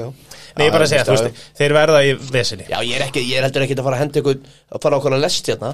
Ég er Nei, bara að segja að þegar þú sagði Ben McAdoo Ég hoppa á lestina. Hérna, ég er er að horfa á sem þeir hafa Og ef að Baker klikkar, þú veist, kliks þá alveg, ég- þetta getur verið spennandi. Samlega Ég elska hennan hitta í þessum umræð Mm, Já, þetta er- Panthers Mér líði bara eins og ég sé að hlusta á Lions umræði fyrir þreymur árum sko. Já, Býtu þetta Lions um Já, ræðu er bara að klára þessu pata pakkes galóriana, við erum vel að búin að tala þú veist, Þetta er ekki fótt þú veist, ég er að reyna að finna bara, því það er búið að taka það er það að í En kringum til þess erum við, þannig að Ég þú sést það, ekki bara að tala hérna En það er gott nefnilega, því, þú veist, að fá einmitt þennan ból með Ben Makadú, að ég var að lesa, þú veist, ég var svona bara, "Bíddu, já, Ben Makadú, fór í einhverja klippur og þetta er bara alltaf Giants, já, þetta getur áhugavert. En svo, svo erum bara að sjá bara, nei, þetta er ekki svarið. í Nei, máli. að sérðan Ég veit það. Sérðu þennan gæja. Nenni að gera mig greið að pásið í bókastið og googlið Ben McAdoo og hárið á. Það er ríkalegt Já, Uh, veist, við, við kunum að búast sóknarlega bara Baker Mayfield, CMC og, og long throws, bara passing touchdowns, markmiði, punktur Hefur þú séð meiri svona þetta er bara svona gauð sem er að vegalögurenglu mann og æði Já, ná, vegalögur maður, já. Ég ætla að tala um gauður sem er að sprengja eitthvað, eitthvað, eitthvað, eitthvað, svona, já. Veistu okkur ég að stoppa þig hérna, uh, varnarlega unglið, mjög unglið. Mjög og spurðastólpuna það er í sekundarínu og veist, þeir eru með J.C. Horn, C.J. Henderson, Dante Jackson og Jeremy Chin í siftíðinu og já, Gilmore er Brian farin Burns sem pass rusher sem er já, geggjað já, já, þeir eru með hann en, þú veist, hann er einn. Hann er einn. Já, akkurat, hann er einn. Þeir eru fjórir. Ég er einn. Gott valur. Ég er aldrei touch with the youth Tapaði fyrir mig. Er það ekki að sé fólki vill í dag? Það eru búin að kóra Panthers? Við erum bætið ykkur um? Nei, Ég held ég sé búin að tala meira en ég ætla Nei, já, þetta var skellur þessu. Já, það fer ég frá liðinu sem ég er seldur á bæða og er minn slíper í ár. Hæ? New York Giants. Ert, sko, að því að þú ert nú búin að tala mikið um æfingavídeóra túa Ertu búin að sjá Daniel Jones kasta boltan? Já, ég er búin að sjá það.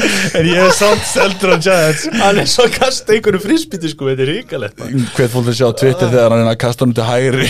Daniel. Jones og hann Hann kastar hann svona Bara. átta hjarta fyrir aftan Já, en bara svo að segja kasta loftblöðrum einhverjum. Já, New York Giants. Já, hvað, við erum að tala um Daniel Jones bara svona áður við byrjum. Mm. það er talað um Jimmy G til Giants.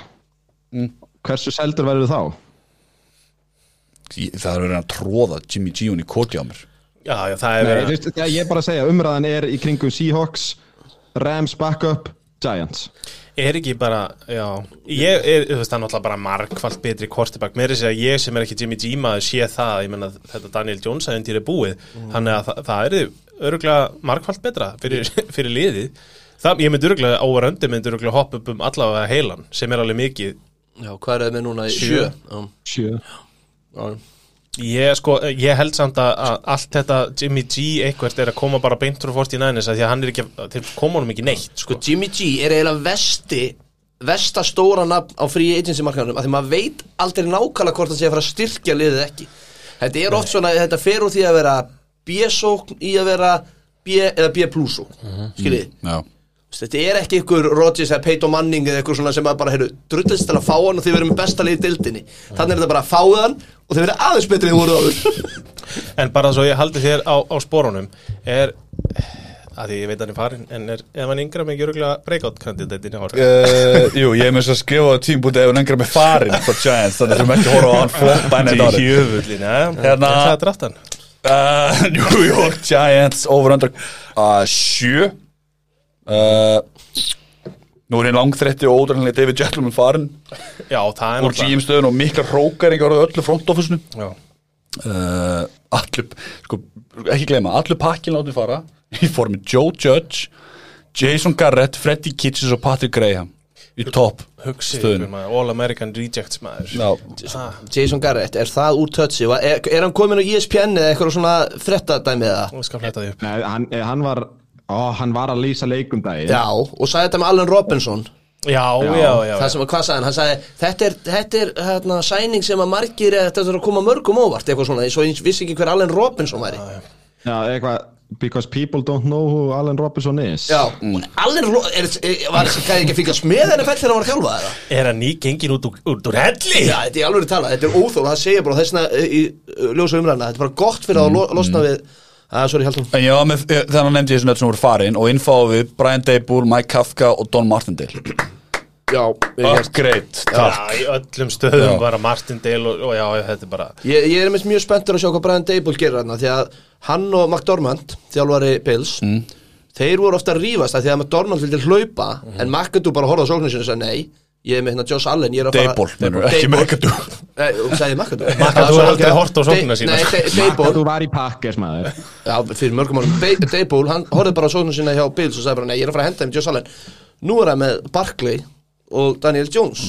Ég er mjög spenntur að sjá hvort hann tækja Arthur Smith á þetta og bara, heyrðu, ég er bara að spila nákvæmlega sem sóknum gegn svo vel hérna hjá, hjá, hjá Bills. En þa- þá, þá, þá kasta ég bara spurningu strax sem ég hef búin að Já. setja upp hérna. En, Hversu mikil þólum að hjá stjórnundulegisins til Daniel Jones? Bail á fifth option Fifth option, þannig að hann er free agent eftir þetta season. Og, veist, og með fyrir reynslu þá er rauninu myndi maður búast því að Dable vilji velja sinn quarterback Já, já. eins og oft með head coacha þannig að það verður áhvert að sjá hvað verður QB Það er ekkit ólíklegt að hefði bara komið inn og sagt bara, heyrðu, ég, ég vil þetta en ég vil ekki að við höldum áfram með Daniel Jones. Mm, Já, vantan að fyrst að Bail á fifth Já, ég er að segja það, já. Fyrir svolítið eftir hverja kröfunar eru á þessu tímubili Já, líka sko, þeir, ég hérna, heyrði eitthvað ta talað um þetta að, þú veist, þeir náttúrulega deklæna þessu fifth year option, ef hann kemur þeim á óvart á þessu ári, þá bara fæn annars bara láta hann fara, út af því að þú veist, það var ekkert í bóði í draftinu eða free agent þannig séð fyrir þá sem eitthvað svona, sem er upgrade þannig að þetta er bara svona þú veist, þetta er líka bara pöntár fyrir þá. Þeir eru Þeir, það náttúrulega býst engin við neina af þeim. Og þeir eru náttúrulega bara með allt og gott lið til þess að flóra það bara alveg algjörlega. þannig að í- þú veist ef þið taka þetta eina ár sem er eftir að samningnum hans Jimmy og, og ge- gera bara svona mannsamandi 7-8 síra leiktífur og svo leifa þeim svo bara báðum að fara ég myndi ekki eitthvað skalla á fyrir það sko Já, ég myndi, já, já, ég myndi alltaf að hafa Giants fyrir neðan Panthers í, í spá, sko. Já. Er það? Já, ég veit af hverju ekki, ég meina, þú veist Saquon, Golladay. Þeir eru Golladay, með marga Golladay? góða vætið Evan síður Neal, sko. Andrew Golladay, Thomas. erum við að tala um Golladay? Hann hefur á eitt gott tífumbil á ferlinu strókar Tony, Sterling Shepard, Darius Slayton. Þeir eru allavega með fjóra vætið síður sem eru frambarilegir Sko, NFL ég er mjög spenntur fyrir Tony. Tony er mjög góð Ég er mjög spenntur fyrir Tony. Darius Slayton er fínn. Slayton er er frábær leikmar ef hann er ekki var frábær hjá Lions. Var hann frábær hjá Lions? Hann var frábær eitt tífumbil á Lions. Já, e, Já, hvað er það bara nót til að vera frábær leikmaður. Nei, ég, mér finnst það. Ég væri til að Ég- til ég Bakkes Herri, er að, meðan að Valur er að, er að æsi fletta hérna í lappa, ég hef ekki sétt mann berja bara harkala á líkla búin helsi hérna, sko, off-season hellanir, stóra málum endur ráningin á Dable, muni getur því hvað Brian Flores hérna, honum. Já, já, fíaskó snitches get fucking stitches, skilur Já, hann að, býtu, býtu, það var Billy Hagi Sendi hann Jú, senda á billana og allt bara fór í Ég ætla að senda á clusterfuck og allt annan Bill, man Hann vildi- Bræðan segir, sorry, man hann vildi meina þess að New York Giants voru basically að taka viðtalið Brian Flores sem var í baka leikþáttu til að uppfylla rúniregluna sem að er að það þurfa að taka aðeila á minnlutuhópi í viðtal fyrir headcoachstu fyrir það sem ekki vita uh, það náttúrulega var reysa headline og var lengi vel í umræðinu en það náttúrulega glemt og grafið. Og svo næsta náttúrulega þeir köttu James Bradbury í backin, munið því? Mm, Nei. Eitt besta varnamann er þeir gátt ekki borgað Já, Já, ég menna, þú veist, já, eins og sé, ég ætla ekki að vera heitir á Giants, alls ekki, af því að mér, mér finnst Tony ógeðslega spennandi og ég er spenntur að sjá hvað Barkley gerir, það komið smá teika á þann daginn og svo þessi Thibodeau þarna, rúkiðinn Já, hana, Hann er alltaf skemmtilegur. Hann er skemmtilega sko.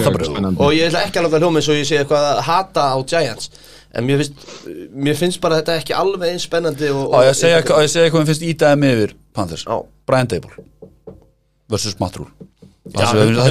hvað Matt Rule Þú veist, ég veitum hvað við fáum frá Matt Rule Ég er sammála því og mér finnst bara vörnin-. Vörnin hjá þeim gæti alveg verið bara ykkur staðar í miðunni 15, ykkur staðar 12 til 15 Eftir sem segir mér að við vitum hvað við fáum frá Brian Dable sem coach Ég er frekar tilbúin að gamla skil- á Brian Dable og coach. ég, held að Brian Dable geti verið besta ráningin í síðasta sækli sko. Mm. Já, en við vorum að tala um á hann og hvernig hann rankar þetta Mhm. Secondary er nummið 31 mm, Front 7, 7 er nummið 25 Í ár í ár, þetta er fyrir árið ár. Mhm. Þannig að þú veist, samkvæmt honum er þetta bottom 7 í báðum bara front 7 og secondary. Mhm.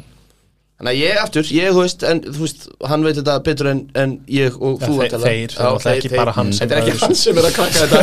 Skilur hvað ég meina, veist, þannig að aftur, og hérna, ég veit ekki en, en En mér finnst samt áhugaður, sorry að ég grípi það, maður held áfram. Ég bara take it away Hvað hva, hva ætlaði að gera við Barkley? Segun Barkley? Þú veist, Hann er núna, hann er á 50 year options á næsta ári sest, Næsta ári er 15 ára hans í deildinni held ég. Já, 23, 24 Já, þá getur við hugsaðlega Francis taka hann eftir það. Eru þeir að fara að borga um samning ef hann, þú veist, skilur hvað, minna Hvað myndi þið gera við Seikon Barkley ef þið eru Giants? Treyta honum í burtu Í- Já, ég myndi losa með það Matti, þetta er þín elska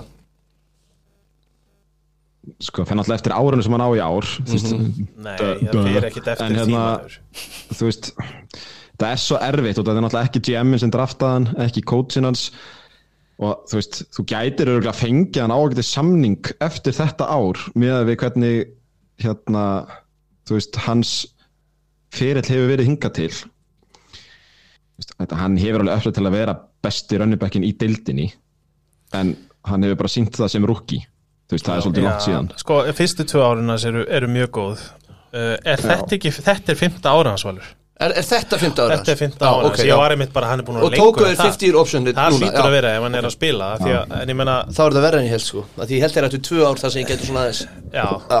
Fyrsta árið hans er hann- geggja, annar árið hans er fínt og meðist hann í lóktífambils og svo spilar hann ekki 2020 eða ekki tannig og spilar, ekki, ég man ekki hvað hann spilar hann skilar 600 jördum í fyrra Það er rétt, þetta er 15 ára hans. Þannig að mér, ég myndi losa með hann núna ég meina en stokkið í honum er bara svo ógeðslega fyrir hluta tímabilinu eða ágætis tímabil þá myndi ég Ég meina, reyna að losna við hann. Ég, ég, ég, sko, að því að ég er alveg sammála því na, sem Matti segir að auðvitað á hann hann hefur ekkert alltaf mikla kröfu á að gera ykkur að max stíl eitthvað dæmi en við vorum áðan að tala um Karim Hunt ég, sko. ég ætla að segja, við erum búin að sjá það bara ofta. Þeir, er, þeir bara, þú veist þetta er bara Já, svona líka, ef við hugsaum þetta svona aðeins dýbrað þá gætu þeir reynda að fá hann með gott ár núna, þú veist eins og við munum eftir til Marko Murray, bara running him into the ground hann fær stóra samning annar staðar þeir fá comp pick, halda áfram með rebuild. Ég, myndi ekki, ég myndi ekki hata það fyrir Giants. Ég er ekki, Og- ég finnst Seikon frábær leikmaður. Og með svona forsögun af Brian Dable Throw it baby Þá held ég að Seikon Barkley er ekki fara að vera hana undir Nei, hann vill þetta er ekki. sko. Já, já, það getur það getur- Hérna, en aftur að því sem að við vorum að reyna að ræða hann um breyka kandiður og flera í New York Giants, ég að henda Kenny Golday þannig að hann fær alltaf vætið sér eitt samning hjá hérna Giants.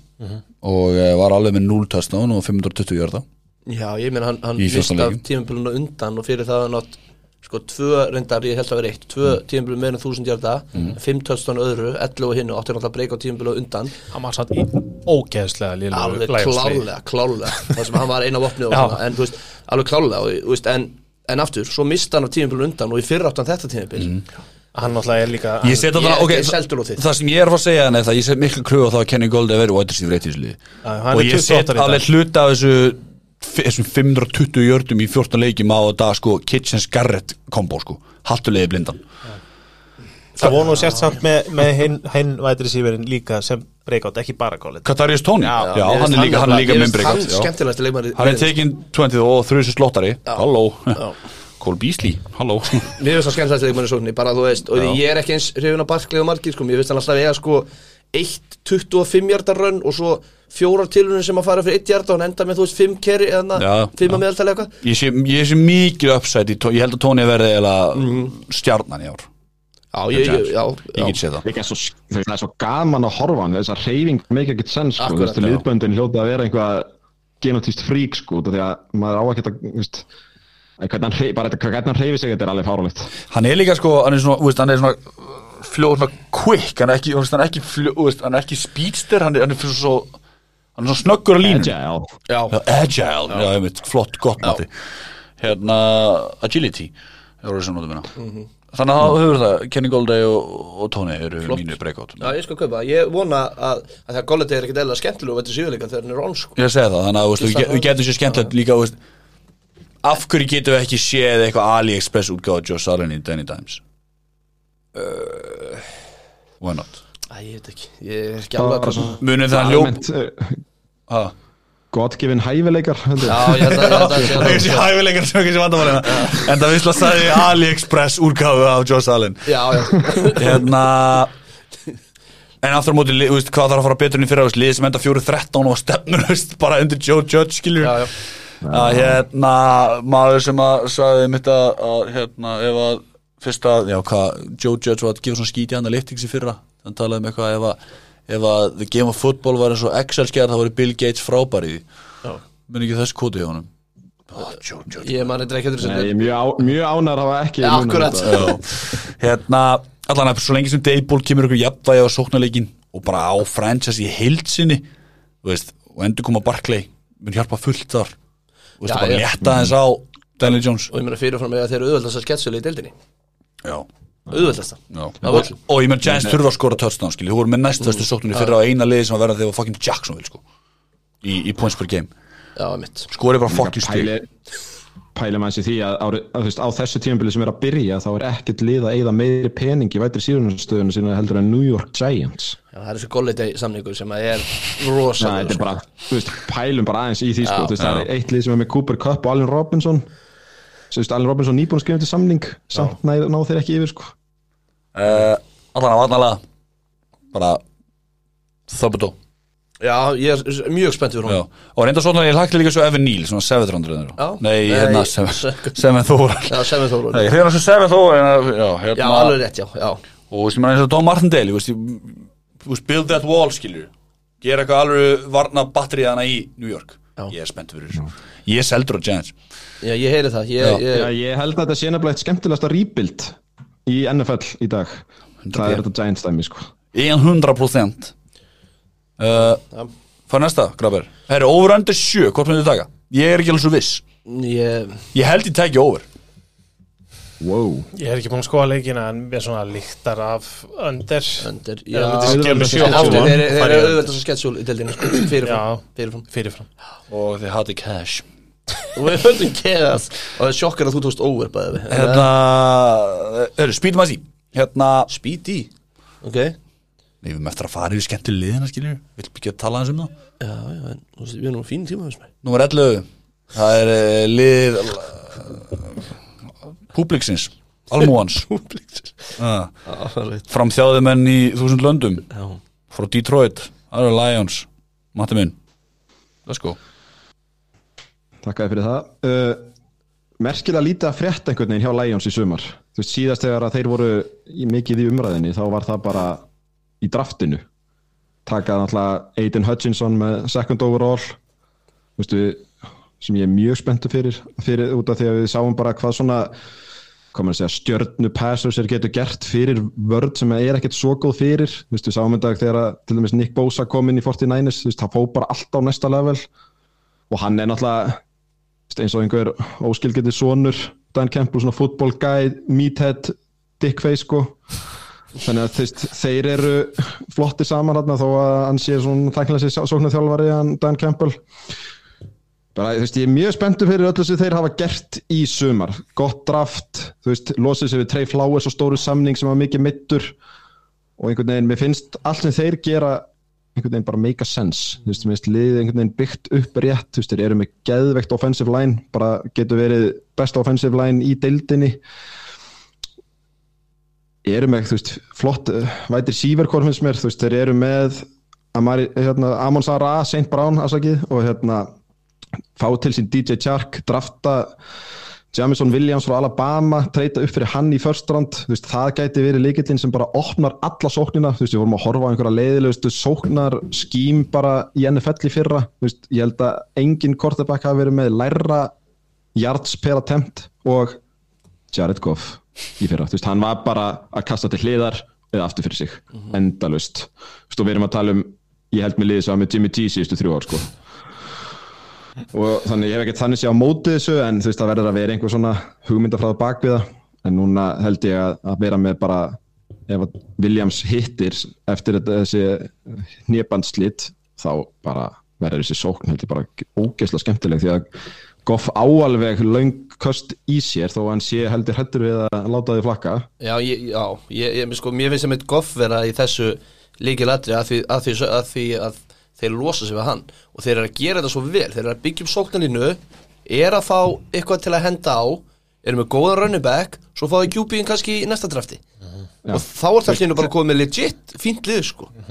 Já, þú veist, ef að segjum bara að þeir fá þú veist, Jared Goff, hvað ég að segja hann sé 22. annar besti quarterbackin cirka, þú veist, eitthvað þannig. Segjum bara að þeir fá top 14 í næsta drafti. Eða þú veist, einhvern svona spennandi þú veist, þá er þessi mannskapur fullkomlega hannaður fyrir í rauninni ungan quarterback. Og vörnin, þú veist, hún á alveg sína pósta sko, þú veist, en hún þarf að stíga upp því að það gerist nú ekki mikið þær í fyrra fannst mér, þú veist, þetta var ekkert sérstaklega góð vörn og hún er ágætt, þú veist, þeir eru með alveg upside, en það bara vantar. Og ég er að vonast til að þessi Hutchinson hann Já, og Jeff Akuta þarf að gera eitthvað sko Já, guð mig góður, þú veist, ég var svo spenntur ég var ekki, ekki spenntur fyrir cornerback síðan, þú veist, Jalen Ramsey þegar ég var að horfa á hann sko, þannig að hann mætti drullast til að gera eitthvað. En brey, minn breakout kandidat, ég veit þetta er rosa þú veist, eru þá sem er að fylgjast með fantasy-umræðinni þá setti ég Amon Ra St. Brown. Hann með svæði núna sem ætti að opnast með DJ Charko og Williams hinum megin þegar að Williams kemur aftur. Hann, hann minnir mig svona lúmst á Kínan Allen svona vastþyndur Kínan Allen. Þú veist, hann, hann er ekki að fara langt en hann er drullu góður að koma sér í opin svæði.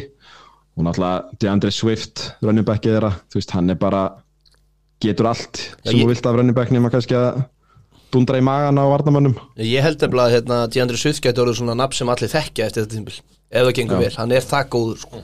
Já, þú veist, þetta er bara þetta er í rauninni eins og við erum búin að tala um þessi lið sem eru svona í lagri kantinum. Þetta er rebuild og þetta er heldur skemmtilegt rebuild og veist, ég man ekki eftir underdog liði eins og í fyrra sem er jafn skemmtilegt á Lions. Allir leikir sem spilu voru eiginlega skemmtilegt, þeir voru spennandi og þeir voru yfir alveg heil lengi og töpuður enda síðan en Skemmtilegt. sko, ég var að reyna að tróða það með sátt og ég mögulega gætt þegar ég rankaði þá. Vegna þess að, ég, þú veist, er ekki mikill lægjumsmaður, hef ekki verið hérna á meðan að menn hafa verið að, að fá það yfir sig við þeim, en þeir eru bara það eru, mitt, veist, það eru skemmtilega leikmenn í umsum stöðum, í running backinum, í, í vætri sífunum á mörgu leiti, það eru varnamennanda sem eru fínir. Og svo eru þeir á rankinu bara með eina bestu sóknalínu í deildinu Já. og ef þú ert með kvartibak sem er eitt sérstakur þá er helvíti nett að vera bara búin að byggja upp einhverja skrýmsla sóknarlínu fyrir framanna þannig að það er, þarna alltaf mér langar svo rosalega að segja, eru við of háir og Lions, en ég held að ef að þeir ná að keira svolítið á þessu díseli sem að kemur frá þjálfaranum áfram, þeir pumpa sig upp ég meina, hann er bara, Hardnox verður bara veistla því ég var að hlusta á viðtölu, þú veist hvernig hann tala núna. Hafið heyrt hvernig hann er að tala? Hann er komin aftur í þetta hneskila dæmi sko. Já, sko, ég, ég, ég, ég veit að þetta er ógeðslega skemmtilegt og fyndi og gaman að horfa á þetta og ég elska fokkin gæjan Ég er búin En að segja þetta allan- er tíma. Hvað er þetta lengi? En af því að núna eru þeir ekki ógæðslega lélegir og þeir voru þegar hann tók við. Þá er spurningin, geta þeir haldið áfram að nýta sér kraftin frá honum og unnið eitthvað leikja er er- sáuð sorry, hérna, sáuð þið þegar að þarna Jamal Williams var að taka höllu á æfingu. Fór að gráta. Fór bara að gráta, þú veist, hann var bara hann er greinilega búin að kaupa inn í þetta kerfi og við erum með Hutchinson sem að er eins og hann er, við erum með þjálfaran þú veist, og ég var að tala um, ég veit hérna varnalínu, nei, sóknalínu þjálfaran og defensive coordinatorinn. Þetta er, þetta er allt svona gæjar sko. Þú veist, þeir, hann er bara með einhverjar útgáfur að sjálfum sér og þeir eru allir geðbilaðir. Þú varst að lýsa köld. Já, ég meina, en svo Já, þú veist, já, þú veist, eins og Pakkes fanbase í kringu Rodgers, þá er þetta bara köld. Já, ég meina, svo má ekki samt gleyma innu að þetta er Lions. Og það er oft bara sem að nafnið er helviti þungt þegar þú ert að spila.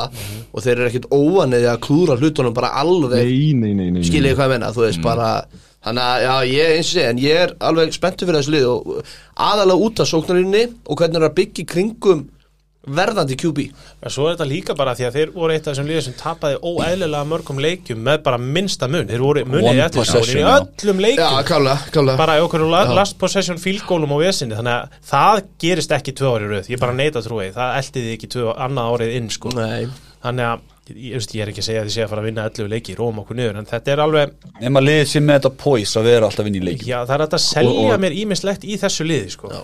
Já, og líka ef við, ef við horfum á þannig þá eru þeir ennþá vestalið í sínum riðli.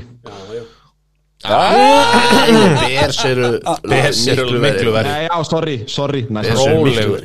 Kúri. Matti, Good þú- times þú- are coming. Matti, þú ert hérna á einni ástæðu. Það er að vera með riðlar á hreinu. Fucking Bears maður. Það var rétt og val, maður gleymið þeim. Já, Bears. Já maður glemir þeim, þeir eru forgettable það er bara þannig. Það er þannig er Matti búinn að? uh, Já, ég Talandi um samt over underið á Lions 6,5 over, Já, ég held að over. Þeir eru bara hálfum sigri yfir Bears. Já ég minn Oh, come on maður. Þeir eru betri en það. Er það ekki? Fucking take it. Já, ég tek over á Lions líka Já, sko. já, já, það þurfti að spyrja. Erstu búinn eða? Já, ég er búinn. Þú ert búinn. Bara svona, þú veist, mér finnst þetta gott ánægð með þetta. Ég elska, ég elska matta þetta ekki Lions Skoðum ræðina Hérna, nummer tíu á þessum frábæra listaði okkur. Já. Það er Washington Commanders. Þetta, þetta verður ekki þjált á tungunni. Hérna, Kalli minn. Já. Over under 8, tekir away. Já, sko, komandis uh, Ég tók off-season headline er í raun og veru bara að það er náttúrulega sko nýtt nafn á liðinu og ég heyrði umræðu um það um daginn að sko þeir eru að gera allt sem þeir mögulega geta til að reyna að fela það sem hefur verið að ganga á. Það er bara að þeir eru að reyna að halda sig eins mikið út úr umræðunni og er mögulega að geta. Það við tekið eftir því að það er ekkert tala um það að hann snætir vinnur okkar er búin að vera að gera allt sem hann getur til að fara ekki fyrir einhverja rannsóknanemnd sem er á vegum ameríska þingsins. Það er bara búið að vera stóriði núna í júni og júli Hann er í Ísrael sko. hann parkeraði, hvað hann parkeraði hérna skútunni sinni eða eitthvað staðar í einhverju, einhverjum dal eða einhverju fyrði svo var ekki hægt að gefa honum hérna, hvað heitir þetta?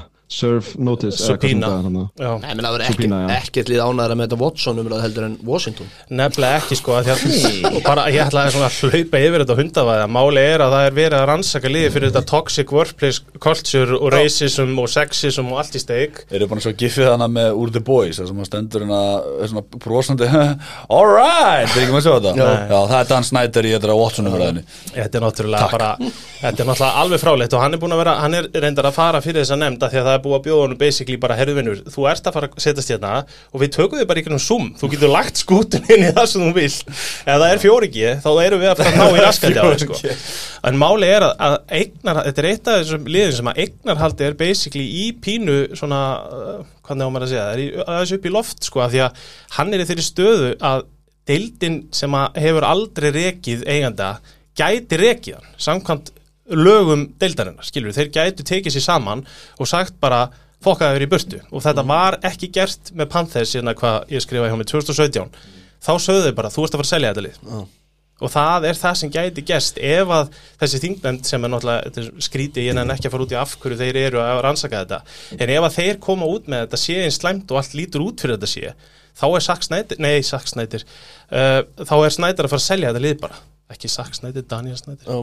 frábæð leikstjóri sann uh, breakout kontaktinu mér er, eru tveir eiginlega og ég svona ég held að það verði Dodson, vætri sífurinn úr first round hjá þeim hann er spennandi eða svo Benjamin St. Jude sem er cornerback hann meitist eftir nýju leiki fyrra og þeir þurfa bara virkilega á því að halda að hann kom inn og spila eins og maður uh, hvað þarf að vera betra? Uh, hvar á ég að byrja? Vörninni.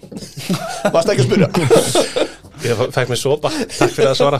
Hérna, Chase Young náttúrulega meitist í fyrra. Og hann var búin að lofa því að bæta sakkmeiti með, það var ekki með Montes Sweat sem náttúrulega gekk ekki raskat og vörðin hjá hann var ömuleg, leiði 26 stiga meðaltali leik á móti sér.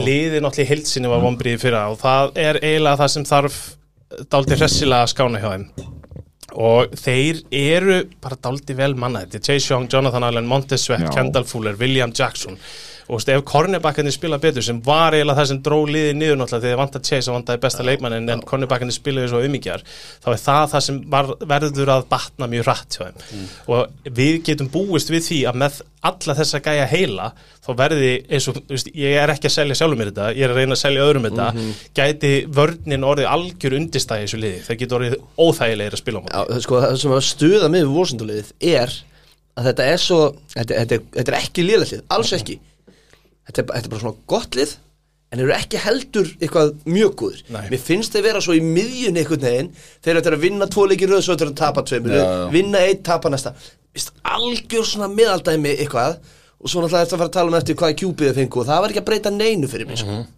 Það er nefnilega máli og ég skrifaði hjá mér þetta síðan að Kurt Cousin fór, þá eru tíu kortibakka búin að spila og ég fór að hugsa, það er nú samt svolítið langt síðan, nei, það er 2018 Þú veist, við erum að tala um okkur um fjórum árum, við erum búin að spila tíu kortibakkum og við, þú veist, ég man ekki einu sinni, ég get ekki einu sinni talið á upp, ég geti kannski náði upp í fimm, held ég.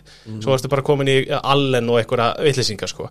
En þeir ákvaðu á einhverjum fyrir mér ótrúlegum ástæðum að sækja Carson Wentz, þeir tók hann ekki í frítt eða eitthvað svo heldur köstuðu þið pikkum og drastli í kolt sem er náttúrulega hlæja alla leið í bankan og eru að fara að spila með hann. Og ég spyr bara, þú veist, ykkur nú er ég að spyrja Valur yes. hefðu þið haldið ykkur bara við Hæniki Já, Nei. Ég hef ég hef ekki tekið vens Í staðin fyrir ég vens er að tala um bara Vents eða, Eða bara Heineke. síðasta ára kortibakli Uh, ég, myndi, ég myndi halda með henni, ég myndi ekki taka vens í staðin fyrir hann. Ég meina, sko, Ég haldi mig við Heineki og, og unnið sér með Sam Howell. Já veist, uh, ég var eitthvað að skoða startið mitt með vens og Heiniki aðeins að bera það saman. Og síðustu tvö ár var Heiniki nummið þrjú bara í, sem QB að henda stuttkost. Þú veist, fimm hjartaði minni. Bara eftir Burrow og Breeze. Vens var síðastur. Í síðasta sæti af öllum. Og, og þú veist, þetta er bara eitt start. Þetta er stuttkost, bara stuttkost. En þegar þú ert að uppgreita í QB og þú ert að henda pikkum í það ekki gera það í Carson af því þú ert ekkert að fara úr þú ert ekki að fara úr C plus í A minus eða B plus. Nei, þú ert að fara úr kannski C minus í C eða bara C í C plus Mér finnst þetta líka bara svo mikið gambul af því að þú ert með leikmenn eins og Chase þú ert með góða vörn og þú ert með ég menna við erum búin að vera að tala um þessa, þessa sóknarleikmenn eins og Terry McLaurin ég menna fyrir út að ég er ekkit sérstaklega, sérstaklega mikill Antonio Gibson maður en ég held samt að hann geta alveg verið ágætis running back ef allt gengur vel upp. Svo ertu með Curtis Samuel, Johan Dodson, Logan Thomas út með fína gæja í þessum stöðum. Og Akkurat. þú ákveður að gambla og eigða actually í einhverju valuable dóti í kassunum Frank Reich þurft að beðast afsökunar að hafa náðið hann hjá Colts. Sko hann bara braut eigandan sinn. Já, Hann hérna Sá gæi er bara einhvers staðar að snúa til hingi. Já, einmitt. Hann, hann er, hann er ábygglega að drekka þannig að sveppa til með Rodgers hérna, Hættu þessu sveppa testa hérna það færi ekki á mig. Það slæðir ekki svona brynjuna. Hérna, sko, þetta er nógu mikið að teipi á Carson Wentz til að vita það að það var ekki svarið. Nei, nákvæmlega. Og, og, og ég skilji ekki hvað Rivibot Ron er bara eitthvað ég held ekki til breytt hann strókar Þarna er, er, hugsa ég með mér ræður Hannes eða ræður front office bara var honum bara rétt, erum við hérna við erum að ganga frá Carson Wentz það er plan. Okkar, maður eru bara að ganga frá Carson Wentz Nei, svo er það. Okkar maður bara kapna á, á, á kaffunum morgunum bara, já. Nei, sko, svo, eh, svona, einn af síðustu punktunum mínum er að sóknarlínan hjá þeim ennabla bara þrusu fín og þeir eh, sækja Andrew Norvell frá Jaguars og Trey Turner frá Steelers. Báðir bara mjög fínir guards þannig að þeir eru búin að þétta miðjuna hjá sér með ágætist takkúlis, þeir eru rankaðir langt fyrir ofan miðju í deildinni sem sóknarlínu sem að er náttúrulega frábært. Þegar þú neytar, kortebak sem neytar að því að við höfum bara séð, bara síðast núna í vikunni fréttur um það að Monty Svett var að elda Carson Wentz allarleið út af að því að hann má ekki snerta kastaði frá því boltanum, kastaði frá því boltanum, kastaði frá því boltanum. Og hann hleypur í staðin bara út af með boltan hann er alveg gjössanlega glórulus þannig að á þess að halda áfram að hlaða ofan á Carson Wentz þá er ég spenntu fyrir nákvæmlega öll í þessu lið mist sóknarlínan góð, mist vörnin hjá hann frábær. Það eru vopni í þessu lið sem ég elska eins og Terry McLaurin, ég elska að horfa á Terry McLaurin spila en þeir völdu sér að taka Carson Wentz og ég get ekki tekið þetta lið alvarlega fyrir viki Má ég spyrja ykkur einu, Ron Rivera hver, Hversu góðu þjálfur er Ron Rivera? Ef við skoðum rekordinans með Panthers Ég held að hann eigi tvö tímambila sem hann er Við getum sagt að það séu bara góð tímambil sko. Hann er alltaf 15-1 síðan að segja tapir súból og það En ég meina, þú veist Er Ron Rivera kannski smá ofmyndin sem þjálfar eða? Ég myndi hafa áhyggjur af því á þessu tímabili að ef hann næri ekki ánangur í metalið þá verður hann reikin Já Hvað segum að því? Æ, sko, hann er svona pínu Æ, hvernig ég orða þetta? Þú veist, þetta lið bara hvernig allt er reiki og svona, þú veist við vorum að tala um þetta líka með þegar að Jagos og þurftu nýja þjálfara núna. Hann er svona stabilizing factor. Þú veist, hann er svona Já, fullorðin já. þú veist, svona, þú veist bara fá fullorðin einstakling inn í bygginguna. Ég held að hann sé góður í því sko veist, ég veit ekki, þú, hann er ekki engin upside þjálfari og hann mun kannski ná liðinu one and done í play-offs í mestalagi. En þú veist, ég held að já, þú veist, ef að hann, ég held að hann geti þú veist, komið liðinu á stað þar sem að það er gott að fá ungan og upprennandi, spennandi upside þjálfara, ef það meika sens Já, ég, ég skil hvað það meinar. Og þetta er einmitt það sem ég nefndi í byrjun að þú veist, þetta lið með alla þessa hæfileika sem þeir hafa þeir hafa helling hæfileika. Best case scenario er one and done í, í playoffs 100% algjört best case. 100% og ég held að þú veist, það, er svo, það er svo margt sem geti gerst með Vents, að því að Vents er náttúrulega sorry, þú, þú, ert með, þetta er eitt af þessum liðum sem er rosalega mikið undir því komið að Vents spili eins og maður, þú veist, eitt af þessum liðum sem kostibakkin af því að þeir eru vel mannaðar og ótrúlega mörgum stöðum. Það er, ég held að það væri ekkit verra ef hann myndi bara meiðast og þú fengi bara Hæniki og svo myndi Háel bara spila sig inn einhvern veginn ef að Hæniki er ekki spila veist, ég hef enga sérstakar áhyggjur af því að, að fyrsti kortibakkin meiðist bara dett út eins og í mörgum öðrum já. þá bara Hæniki inn, fínt, áfram bara. Við bara höldum áfram og reynum að komast áfram í playoffs. en over under hins vegar allir ég ekki að snerta ekki snerta, sko. Hvað er átta, það? átta. Já, Ocho. Ég bara, ég veit ekki hvað þeir myndu gera en ég menna, ég myndi, ef, að, ef þú gefið mér 8-5 að fara í undir bara út af vends mm. ég hef enga trú á þessari tilhörun og fyrir utan það, er, bara að lokum, er þetta ekki síðasta tilhörunin? Er eitthvað lið í alvörinni að fara að taka vends aftur veist, og láta reyna á þetta? NFL er bara þannig. Það er bara, sorry, þú ert búin að NFL er þannig, hann fær alltaf eitthvað smá séns. Ekki sem starter í liði sem ætla sér ykkur hlut? Nei, nei, nei, nei, nei, nei. En, þú fær, ég, veist, en þú fær samt alltaf séns Ég menna, ég spyr mér bara, þú, ok, ég er með aðra spurningu. Aftur síðasti, síðasti, síðasti punkturinn minn. Ef, ef þú hefðir verið bara með Jimmy G og Carson Jimmy G Nákvæmlega, hvað Ég er, við er, er hærri á Jimmy G en, þitt fyrir Nei, þetta er ekki spurning, Nei, nei, skilur af því að þú, ég mann, fyrir utan það, þú, það. núna er þetta 7th roundi fyrir Jimmy 100%. eða hvað er þetta ekki, second fyrir Vents þetta sko. er galið Já, við Klikkur. skulum aðeins Ég, ég þurfti að finna þetta Þetta er sko Vents 47 overall og 7th round er, þú veist, þetta er í síðasta drafti Þeir er sko þú veist, þeir fengu í rauninni meira Colts fengu meira fyrir Vents en þeir borguðu fyrir Ryan Já, það er rétt. Pæli þessu. Og, um það. og Falcons er að taka á sig laun. Og meðan að Washington tók öll launin Já, af Vents sko, þú veist og Það situr bara ristinu hausinn, sko. All right. Alright, en, já, en talandi og QB upgrade þá var Ryan Vents helviti hátt þar líka Já, ég menna, við hefum eftir Colts Já, þú veist, ekki, ekki hleypa mér í það núna, sko. Guð mig góður. Og að klára þetta. Þetta Ég er er, nefnilega- piece of business. Ég er ekki, ekki með, ég er með aðeins lengri texta hérna en- en- Það var í uh, næst, Síðasta í dag já, næsta shitbird lið. Uh, Númer Er það rétt reyndar? Arizona Cardinals. Síðan svo Cardinals. Kalli fekk uh, Kalli fekk það á skemmtun. Uh, Over 108.5 Take it away Já, ég á svolítið erfitt með Cardinals að því að ég bara svona mér, mér langar svo að, að þú veist, hafa gaman af bara Cardinals óháðu öllu, ég hef ekkert gaman af þessu bara ekki neitt. Og off-season headline bara er því miður, eh, þú veist, það er alveg slatti á að taka hérna sko, en Kyler Murray er, er off-season headlineið sem að er náttúrulega, ég tölum um það í síðast ætti, bara ekkert eðlilega boring. Við erum búin að tala um þetta, búin að tala um þetta í allt sumar og svo er þetta basically græjað nema með einhverju brandaraklausu og hafa svo búið að eigða henni þannig að það er bara ennþá hærra hleiða þessu liði. Og þeir eru á mjög vondum stað en aftur þegar við vorum að ranka núna ég gat ekki sett á neitt mikið neðar. Skilji ég hvað ég á við? Já. einhvern veginn enda er samt sem basically liði sem er að fara að berjast um Já, sem þetta er náttúrulega NFC, ég segi mér mörgur um NFC sko. Já, ég er 100% En hérna, og líka sketsjulegur er samt ekki gott.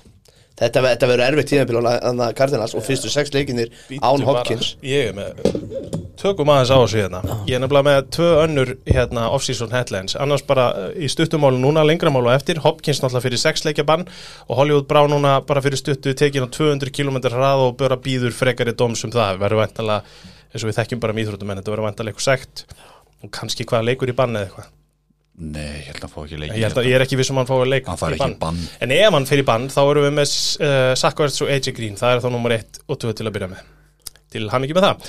Herru, breakout kandidatin í þessu liði Ég bara átti mjög erfitt með að finna hann En ég samt ákvað, ok, segjum að hann fari ekki í bann Og hann spilaði tímbil Þá er Markís Brán í geggjari stöðu Til að vera vætir sífur eitt fyrstu sex leikina. Og talandi um að hrista upp í þessu Og Ja, fá nýjan, nýtt start á ferlinum. Markís Brán sem vætir sífur eitt í þessu liði Er actually eitthvað sem geti gengið. En ég meina Það er augljós breakout kandidat En ein, ein, Já, ég, ég, ég, ég horfði á allt liði og það var bara hann en Já. svo hugsa maður ef hann er að skýta í sig sko. Já. það er geggjað að byrja á því að láta taka sér fastan sko. en, en Rondell Moore?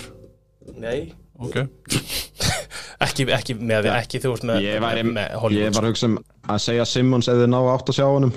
Þeir eru byrjað að, þú veist, þetta er linebacker sem þið tóku hvað, fyrir tveimur og þreimur árum? Þetta er þriðja tímabilið hans sjá já, svona, svona super athlete.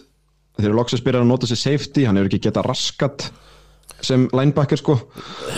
Veist ég, hann kom og ég las ein Já, þú veist, hann er bara hefur sínt það á teipi að hann er bara ekkert linebacker, hann er alltaf þú veist, lengi að reakta og getur þar alveg ekki nota hversu rosalegur íþróttamæður hann er hann er betra að hafa hann aftari til að nota þennan þetta, þennan líkama sem hann hefur sko, þannig að veist, ég er mjög spenntur. Ég var náttúrulega mjög hrifin á hann þegar hann var rúki sko, þannig að já, veist já, mm.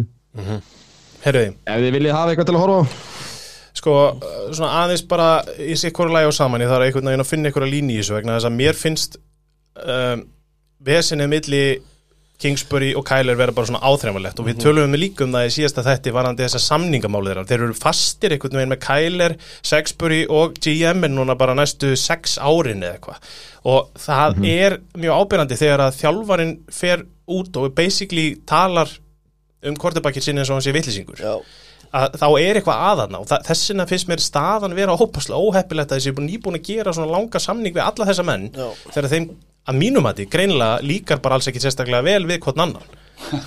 Skiljið hvað ég á við? Já, ég þetta er mjög óheppilegt að bara viku eftir að hann skrifa undir fimm ára samning þá fyrir þjálfarinn hans sem að heyrum alla þjálfar að verja kortebakana sína í rauðand, út í rauðan döðan já, hann byrjar þetta bara, eru þessi gæ ég bara, hristi bara hausinn og þú veist, ég bara, eru gerðu bara þá þitt. Og þú veist, þetta er bara svona, eitthvað, þetta er bara svona frekjufitt eitthvað á millið þeirra. Já, ég klála og muniði hvernig þetta var í draftinu þegar að var, var Kingsbury held ekki vatni yfir Murray sko. Og það var meirist alltaf verið að reyna að búa til spennu tekur hann Bosa inn, hann var bara alltaf bara bara Murray er minn maður sko. En það er eitthvað í gangi að það, maður sér það bara núna. Var, hann var líka þjálfur hans í college, nei? Jú, var Jú. það Texas Tech eða eitthvað. Eitt ára eða það eitthvað var það hann var með Mahomes. Já, með Mahomes, já, já, já, ok, það var ekkit það er saman annar já, um, sko ég, liðið Án Hopkins um, sóknarlega er, við, við erum að droppa úr sjö jördum að meðaltali per play nýri 4,9 eitthvað leys Murray mittist á sama tíma samt ef við skulum alveg átt okkur á því. Murray var hálf mittur eftir leikjum við pakkas í áttundum fyrir fyrra. Algjörlega, en það sem er kannski það sem ég hrýfst af er reyna að leita ykkur hérna, er að þeir skipta Kristján Kvörk út fyrir Hollywood Brown, Já. sem að mér finnst frábært skipti. Sömulegis þá er sóknarlínan þeirra eitthvað svo dýrasta í deildinni og svona, það var áður en að þeir bættu þremur árum aftan á DJ Humphrey sem er left tackle þeirra, sem er algjörlega miðlungs, verri síðustu tvö ár, var ágætur í gamla daga. Þannig að sóknarlínan er langdýrasta línan þeirra og samt ekkit sérstök, það er pínu pinnandi vegna þess að við höfum líka séð Kæleri bara í tómi brasi. Þú veist, hann ákvarðana tökur og hlaupina sér oft bara einhvers staðar út á þykju uh, helska samt. og svo skrifa ég líka hérna veist, mér langar ekki að hljóma eins og fíbl en ég gæti trúið þeir að við losa sér við betri running backi sinni, Chase Edmonds. Vegna þess að Chase Edmonds actually skilaði einhverjum jördum að maður að Connor skilaði alltaf já. einum jarda eða Redson því og þú veist, Connor er ekki eitthvað sem þú, þú getur ekki bara verið byggt hlaupaleiki. Nei. ég er rosa hrifin af James Conner sem fantasy tætendinu, nei, já. ekki sem running backinu til að viðhalda eitthvað Þessi Chase Edmonds skæðin líka var þetta out of the backfield grípara, sko, James Conner er það ekki sko. Nei, hann líka bara skilaði miklu fleiri yards per play Já. heldur en meina- markfalt fleiri sko og við getum alveg samtuna því að Kyle Murray var í bottom 3 í aðna Red Zone sóknu fyrra Já. Kyle Murray var einna lélugastu QB-um í Red Zone fyrra og þá náttúrulega kemur Conner inn þar sko en Chase Edmonds þurfti að koma þanga og svo finnst mér annað með þetta lið J.J. Watt var bara allt og mikilvæði fyrir það fyrra. Algjörlega, þegar hann mitt, þetta var bara, þetta var annað lið eftir að hann dætt út. algjörlega. Og sko bara förum þá aðeins yfir vörnina. Þeir missa Chandler Jones til Raiders. Já. og eina sem bættist við í stæðin þeir tók mistu be lang bestala varnamannin sinn og bættu við tveimur uh, einhverju þriðju og fjórðu umferðar hérna nýliðum. Það er ekkit annað. Jane, uh, Jones skilaði ekki nema 38% sökurnar þeirri fyrir þannig að þú veist, þar eru við komin í á vesen. Aftast af varnalínan röngu eins og slagast þegar vörninni hún hérst alveg nákvæmlega eins, það er ekki kostur. Gömlu kallandi sem við vorum að tala um núna við erum að tala um JJ Watt og AJ Green þeir yngdust bara sama og ekkert bara núna, á milli ára. Þeir eru bara, bara eldri. Já, ég veit það, ég veit það. Það er bara ekkert að frétta þarna. Þetta er bara, þetta er ríkalett A.J. Green var slagur í fyrra, það er ekki rétt með AJ Green var slagur JJ Watt var geggjaður. hann meiðist síðan. Og var ekki með. brjósluðu eða eitthvað. Chandler Jones er farinn. Það er bara, þetta er að rinja saman Já, hjá þeim ég veit varnalega, alveg gjössamlega Breaking news! Tilbúinir Já. Dolphins er að treyta tight end Adam Shaheen to the Texans for a sixth round pick Haldur Hvað er að því? Ok, Kalli Máttu Jesus. þið missa hann eða? Þú ert náttúrulega eitthvað lasin sko. Herru, ég ætla bara að taka elstnött sóknarlega uh, Connor og Williams er að fara í vissinni uh, í varnarleiknum Þeir sækja Williams frá, hérna, ég man ekki hvað for, eða ekki Damien frá, frá Chiefs Það er ekki góður uh, Hollywood Brown þarf að taka rísa stökk til þess að gangi eitthvað upp Kosturinn er að Kyler og Brown þekkjast. Og það eru sömu Adams og Carr tengslin. Þannig að þeir eiga að fitta strax saman sem er bara fínt. Og við skulum ekki gleyma því að þó að við, ég er ekki mikill Brown aðdánda því að um leið og eitthvað segir Hollywood Brown þá hugsa ég bara öll touchdownin sem hann greip ekki. Það sem að gal opinn eitthvað staðar og boltinn bara fór í gegnum hendur hann frábær köst, greip þá ekki. En hann var samt með þúsund hjartægi fyrra í sók sem elskar að hlaupa. Ég hef ykkur tilfinningur í Brán í ár. Ég held að nefnilega, það er allavega tækifæri fyrir hann. Við skulum hafa það alveg á hreinu. Varnarlega skrifa ég einfallega að þeir þurfa Jésu Krist.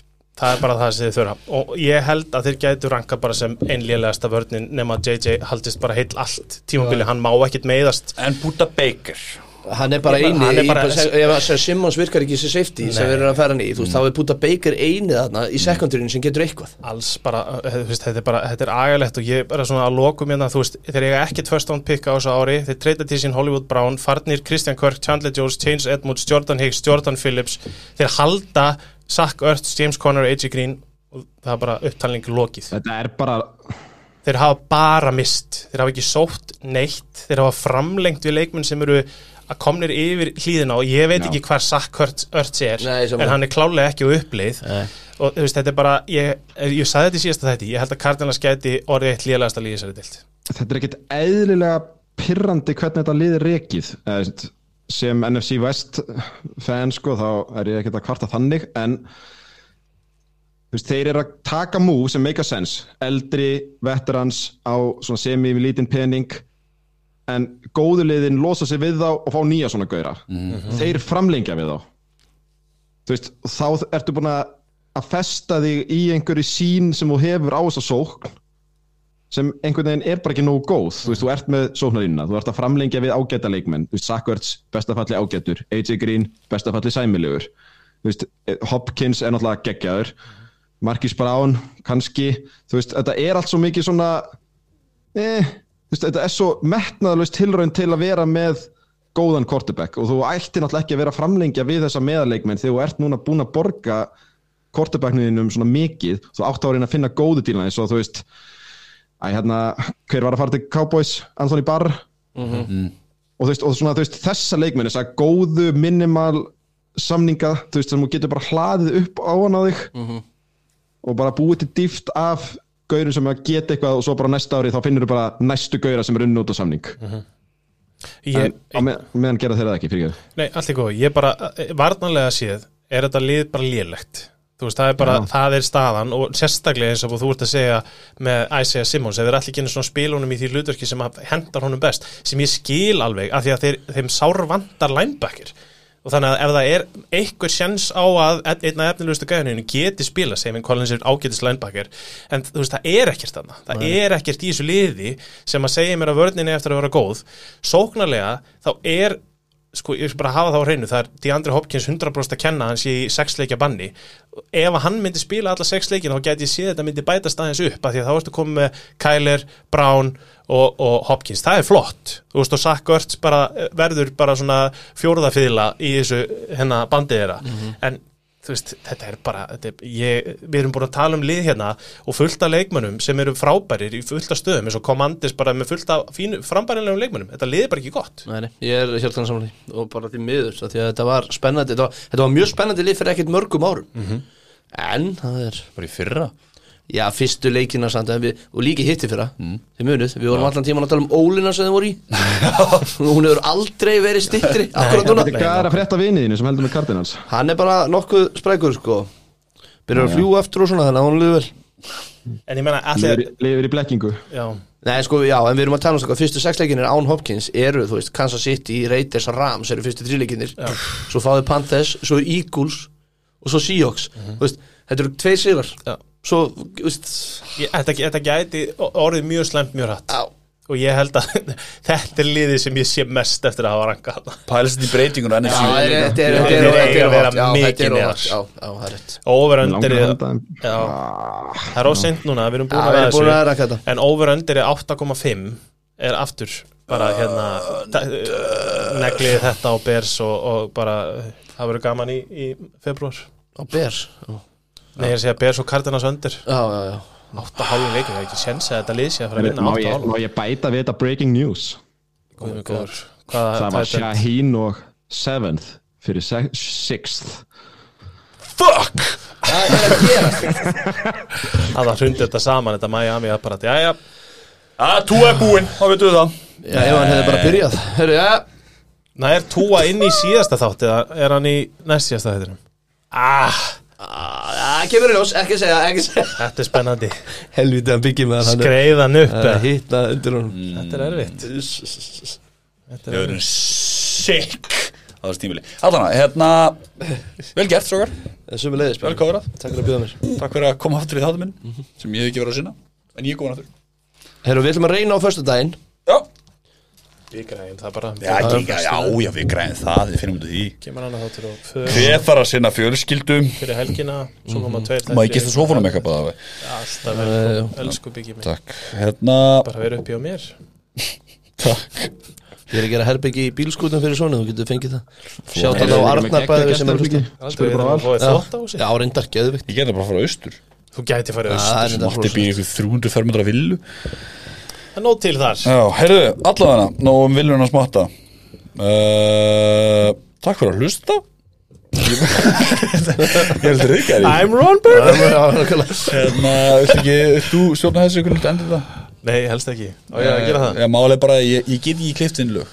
Það er bara stað, það stað Já, já, já, já. Rýperinn stoppa mér Hann bara, að, þú veist Stoppa copyright. Reaperinn? Já, hann bara, ef ég reyna að setja inn lag þá bara, computer says no. Ok.